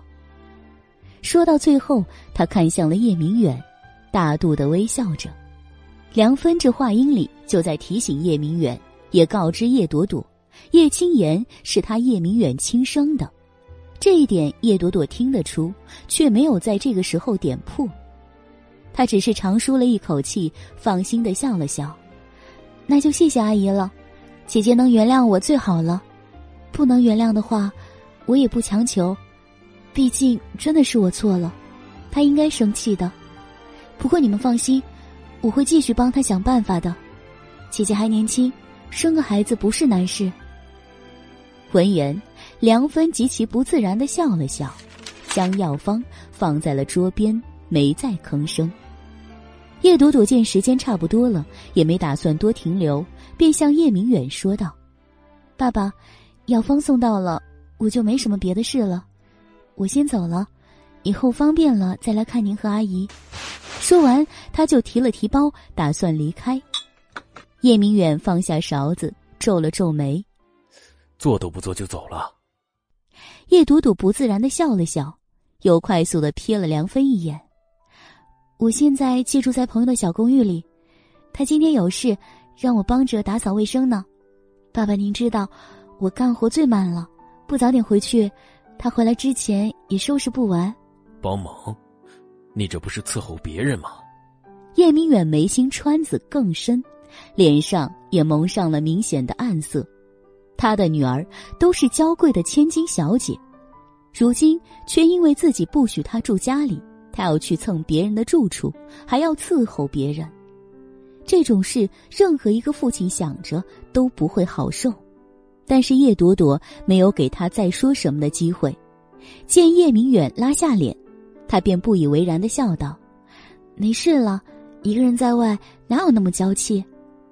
他一个一人在外。”又仿佛无形的给了叶明远一记耳光，打得叶明远脸上火辣辣的。叶明远心里觉得尴尬，转脸就瞪了梁芬一眼。梁芬被这么一瞪，有点委屈，张了张嘴，又没发出声。叶朵朵将两人的这一幕看在眼里，心中一阵冷笑。看来他的父亲已经把赶女儿出门这样的罪名全推到继母头上了，这样他自己就没有负罪感了，真是个好爸爸。心中审笑过后，叶朵朵没再等着二人说什么，直接对叶明远说道：“爸爸，那我走了。”说完，他便毫不拖拉的往外走。刚走到门口，就迎面碰上急急进来的张妈。张妈看了他一眼，走到叶明远和梁芬面前，说道：“老爷夫人，外面有个伟达车行的人来找，说是很重要的事。”张妈请示的时候，叶朵朵就站在门口没动步，她的目光落在梁芬脸上。如他所料，梁芬在听到“伟达车行”几个字的时候，脸瞬间僵住了。紧接着，梁芬便不耐烦的说道。什么乱七八糟的人都找到家里来了，不见。是夫人，那我这就让他走。张妈得了女主人的令，立即应了声。见他转身出来，叶朵朵心念一闪，折了回来。她走到梁芬和叶明远面前，看了看梁芬，最后又对叶明远说：“爸爸，这个车行我有点印象，前段时间我去找过他们，这会儿。”他们找过来，恐怕是有要紧事，爸爸还是听听吧。闻言，叶明远疑惑的看了看叶朵朵：“你找过他们，为了什么事？”叶朵朵面露犹豫，迟疑了片刻，才说道：“就是上次您受伤住院的时候，那天晚上我碰到王叔，随口问了一下他车祸的细节，然后他跟我说，这车那几天。”刚好做过保养，没想到会出这样的事，我当时就留了个心眼，生怕车行的人在保养车子的时候没留心出了什么岔子，所以就去了一趟。说完，他的眼里流露出了一种担忧的神色。没等皱着眉的叶明远说什么，他又说道：“爸，我没别的意思，我只是想着，这车祸太奇怪了，您的车一向性能优良。”王叔技术更是十几年都没有出过问题，怎么偏偏这次出了问题？我这些年一个人在外面，凡事都忍不住多想，所以才忍不住去多问了几句。爸爸，您别生气。话说到这里，叶朵朵脸上已经是快哭了的表情，她担忧害怕的看着叶明远，叶明远瞧着他五官纠结在一起的小脸。和那渲然欲泣的模样，沉默了几秒，才叹了一声：“你这孩子，现在怎么变成这样了？”叶多多以前性格外向张扬，在他面前时而撒娇，时而任性。犹还记得十几岁时还一度顽劣的让他头疼，可现在，他竟变得这样胆怯畏惧。在他这个父亲面前，仿佛多说一句话、多做一件事都害怕是错的。这样的改变，真是让人看了心里不舒服。叶明远机不可闻的轻叹了一声，不再看叶朵朵，转脸对张妈便说道：“哎，让他进来。”听了这话，梁芬突然叫了起来：“让他们进来干嘛？那些不相干的人能有什么正事？朵朵。”你这心思也太多了，一个简单的车祸，你爸早没事了，还找到人家车行里去了，不知道的还以为我们叶家想讹他们呢。梁芬冲叶朵朵责备起来，叶朵朵委屈的看了看叶明远，没有吭声。叶明远看看委屈到几乎掉眼泪的女儿，又看看龇牙瞪目的一脸厉色的梁芬，顿时就把脸拉了下来。你也是。见就见一下，听他说几句话有什么大不了的？多多也是一片孝心，你骂他干什么？叶明远声色严厉，脸上更是少有的冷酷。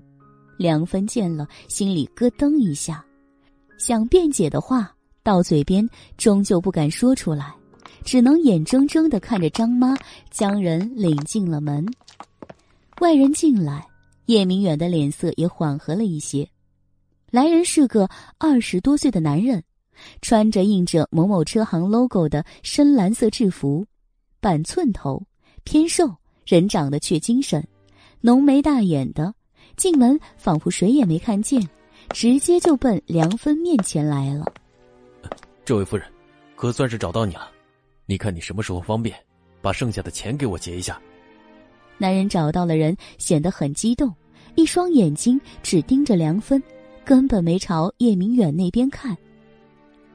梁芬那张脸，自从这男人进来就绷得紧紧的。此时听他这么一说，又仿佛愣了一下。不过，这愣怔的表情只在他脸上闪了一下，很快就隐去了，取而代之的是不耐烦。你胡说什么？什么剩下的钱？我听不懂你在说什么。我告诉你，这里是叶家，你千万别起什么歪心思。走走走，赶紧出去！说到这里，梁芬竟然站了起来，不顾形象的冲男人嚷了起来。男人见他如此，也急了眼。脖子一梗，声音陡升八度。哎，这位夫人，你怎么能这样呢？这说好的事情，怎么说变卦就变卦了？也就两万块钱，你租这么大的房子，两万块钱你还想抵赖？不行，给钱给钱！说着，他就朝梁芬奔了过来，顺着手一个劲儿嚷着：“快给钱，快给钱！再不给钱，我把你那些事儿都给抖出去！有钱了不起啊！”有钱也不能这么欺负人呢！你给我闭嘴！你在胡说什么？男人的手已经戳到了梁芬的胸口，梁芬的脸憋成了猪肝色，伸手拍向男人的手，没一会儿就跟这男人推搡起来了。闹成这样，叶朵朵眨了眨闪晶晶的大眼，站在一旁只看不吭声。身旁原本坐着的叶明远看不下去了。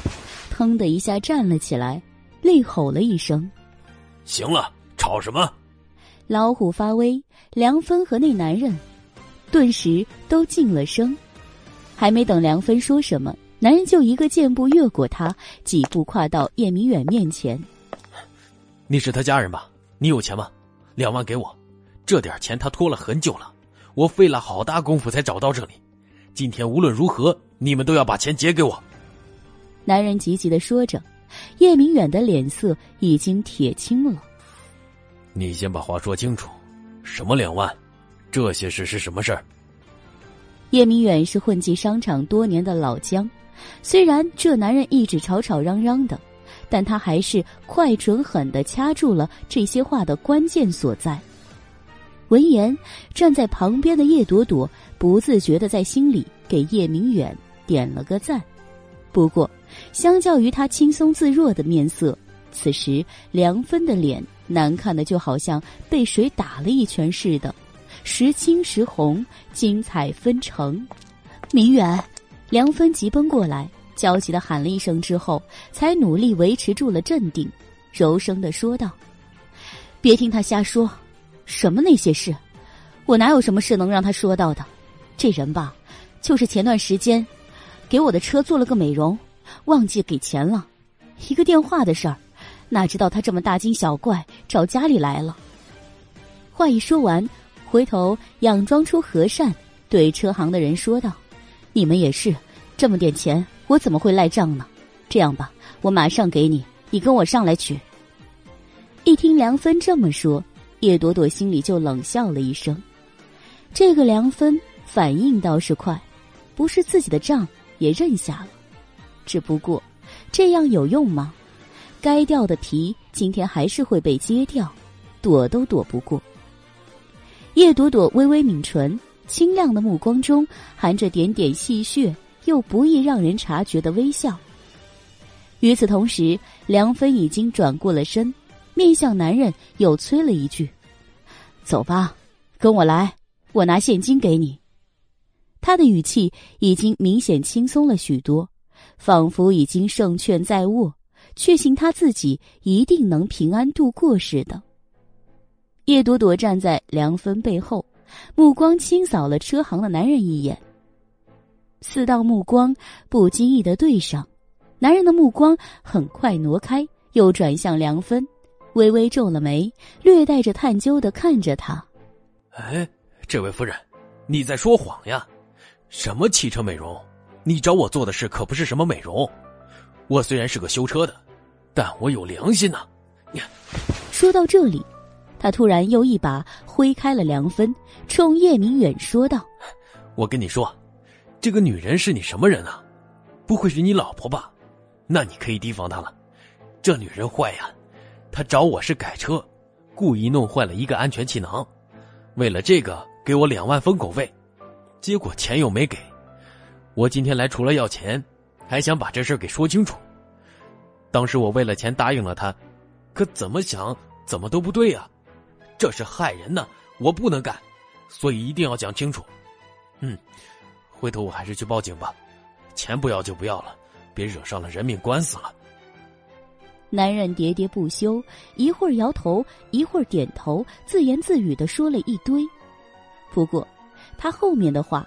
叶明远基本都没听见，他只听见了一句：“故意弄坏了一个安全气囊。”两道犀利阴寒的冷芒射向梁芬，梁芬立即哆嗦了一下。“明远，你别听他瞎说，我什么时候找他干过这事儿了？他这是污蔑，我要告他。”梁芬扯着脖子替自己辩驳，男人转向他，张口就说道：“你这个人，我就知道你会来账。”没关系，我有证据。一听“证据”两个字，梁芬的脸唰的一下白了。叶明远狠狠的瞪了他一眼，转向车行的人，却没让他再说下去。行了，都不要说了。你要钱是吧？我给你两万。不过这件事情止于这个门里，出去不许你乱说，不然的话我也要找你麻烦。哎，你，你们。算了，算了，好心当成驴肝肺，早知道我就不提醒你了。那好吧，钱给我，我不说就是了。哼！男人摇头晃脑，冷冷沈笑，一副痞子相。叶明远此时没有心情计较这男人的无赖，当即亲自上楼取了两万给他，临走时又跟他强调了不许乱说这样的话。男人走后。闹腾了好一会儿的别墅才算安静下来，但是留在别墅里的人也都知道，另一场暴风雨这才开始。叶明远见男人走后，转身过来，阴狠狠的瞪着梁芬。见他走近，梁芬这才慌忙压下扑通乱跳的心脏，颤声喊了一句：“明远！”啪。没等梁芬的话开口，叶明远就抬手狠狠的扇了他一个耳光。梁芬的身体随着叶明远的巴掌一歪，叶朵朵同时配合的上前两步，劝了一句：“爸，别这样，您不能动气，小心气坏了身体。”“哼，我不是气坏的，我是被这个女人给谋害的。”叶明远气得骂道：“这话说得重，刚刚那一巴掌甩得更重。”梁芬脸上立时多了五根血红的指印，头发也被打散了，脸边上脱下来一缕，样子极其狼狈。事到如今，他也顾不得什么了，转过来抱住叶明远的胳膊就哭道：“不是的，不是的，明远，你听我说，我没想害你，我永远都不会害你的。到现在你都不承认。”是不是非要我把他的那个证据拿出来，你才甘心认账？叶明远厉喝一声，甩开梁芬的手，他也被气着了，脸都红了。叶朵朵见状，知道这是上了年纪的人血压上升的症状，慌忙扶住了他，劝道：“爸，阿姨也许真的是冤枉的。我那天去见了这个人，他就没跟我说什么，不知道今天怎么会突然跑来说这些。”你一个小姑娘。瞧你又没钱的样子，他跟你说这些干嘛？叶明远怒气犹未消，依旧瞪着梁芬。我现在想明白了，说什么开福寺的老和尚，搞了半天都是你自己在搞鬼。你说，你是不是就为了不让朵朵回来住，所以搞出来这些事情来？叶明远钻营生意这么多年，把这些事稍微一想就能串起来，找到根由。梁芬见抵不过去，捂着脸也不再说话，不说话就是默认。叶明远怒火中烧，抬手指点梁芬的额头，骂道：“你，你这个狠毒的女人，你容不下我女儿也就算了，连我你都敢害。这次幸亏我命大，我要是死了，你是不是就开心了？太狠了，你，你！”气到极致，叶明远反倒说不下去了，最后只断喝出一声。你给我滚，滚得远远的，以后别再让我看见你，滚！梁芬不敢相信的瞪大了眼睛，看看叶明远，张了张嘴，最后又什么都没说，扭头跑出了主屋。等他人影不见，叶明远才回头看了叶朵朵一眼，他大概心里尴尬，也没说什么。叶朵朵见状，乖巧的说道：“爸爸。”你别生气了，阿姨真的没有什么坏心，不然她不会只破坏了安全气囊。她要是再搞得过分点，您就不只是脑震荡了。是啊，我就直接一命呜呼了。叶明远气道。叶朵朵笑了笑，瞧您说的，您是福大命大的人，这点小事怎么会有事？阿姨她就是不喜欢我，我以后少在她面前出现就是了。这样她就不会动这些歪心思了。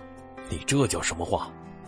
叶明远一瞪眼：“你是我的女儿，她不喜欢你，你就只能躲着。我还要为了迁就她疏远你，那不是让她更加得寸进尺、有恃无恐了？还以为我怕了她？不行！”叶明远虎目一瞪，随后又突然微微眯起了双眼。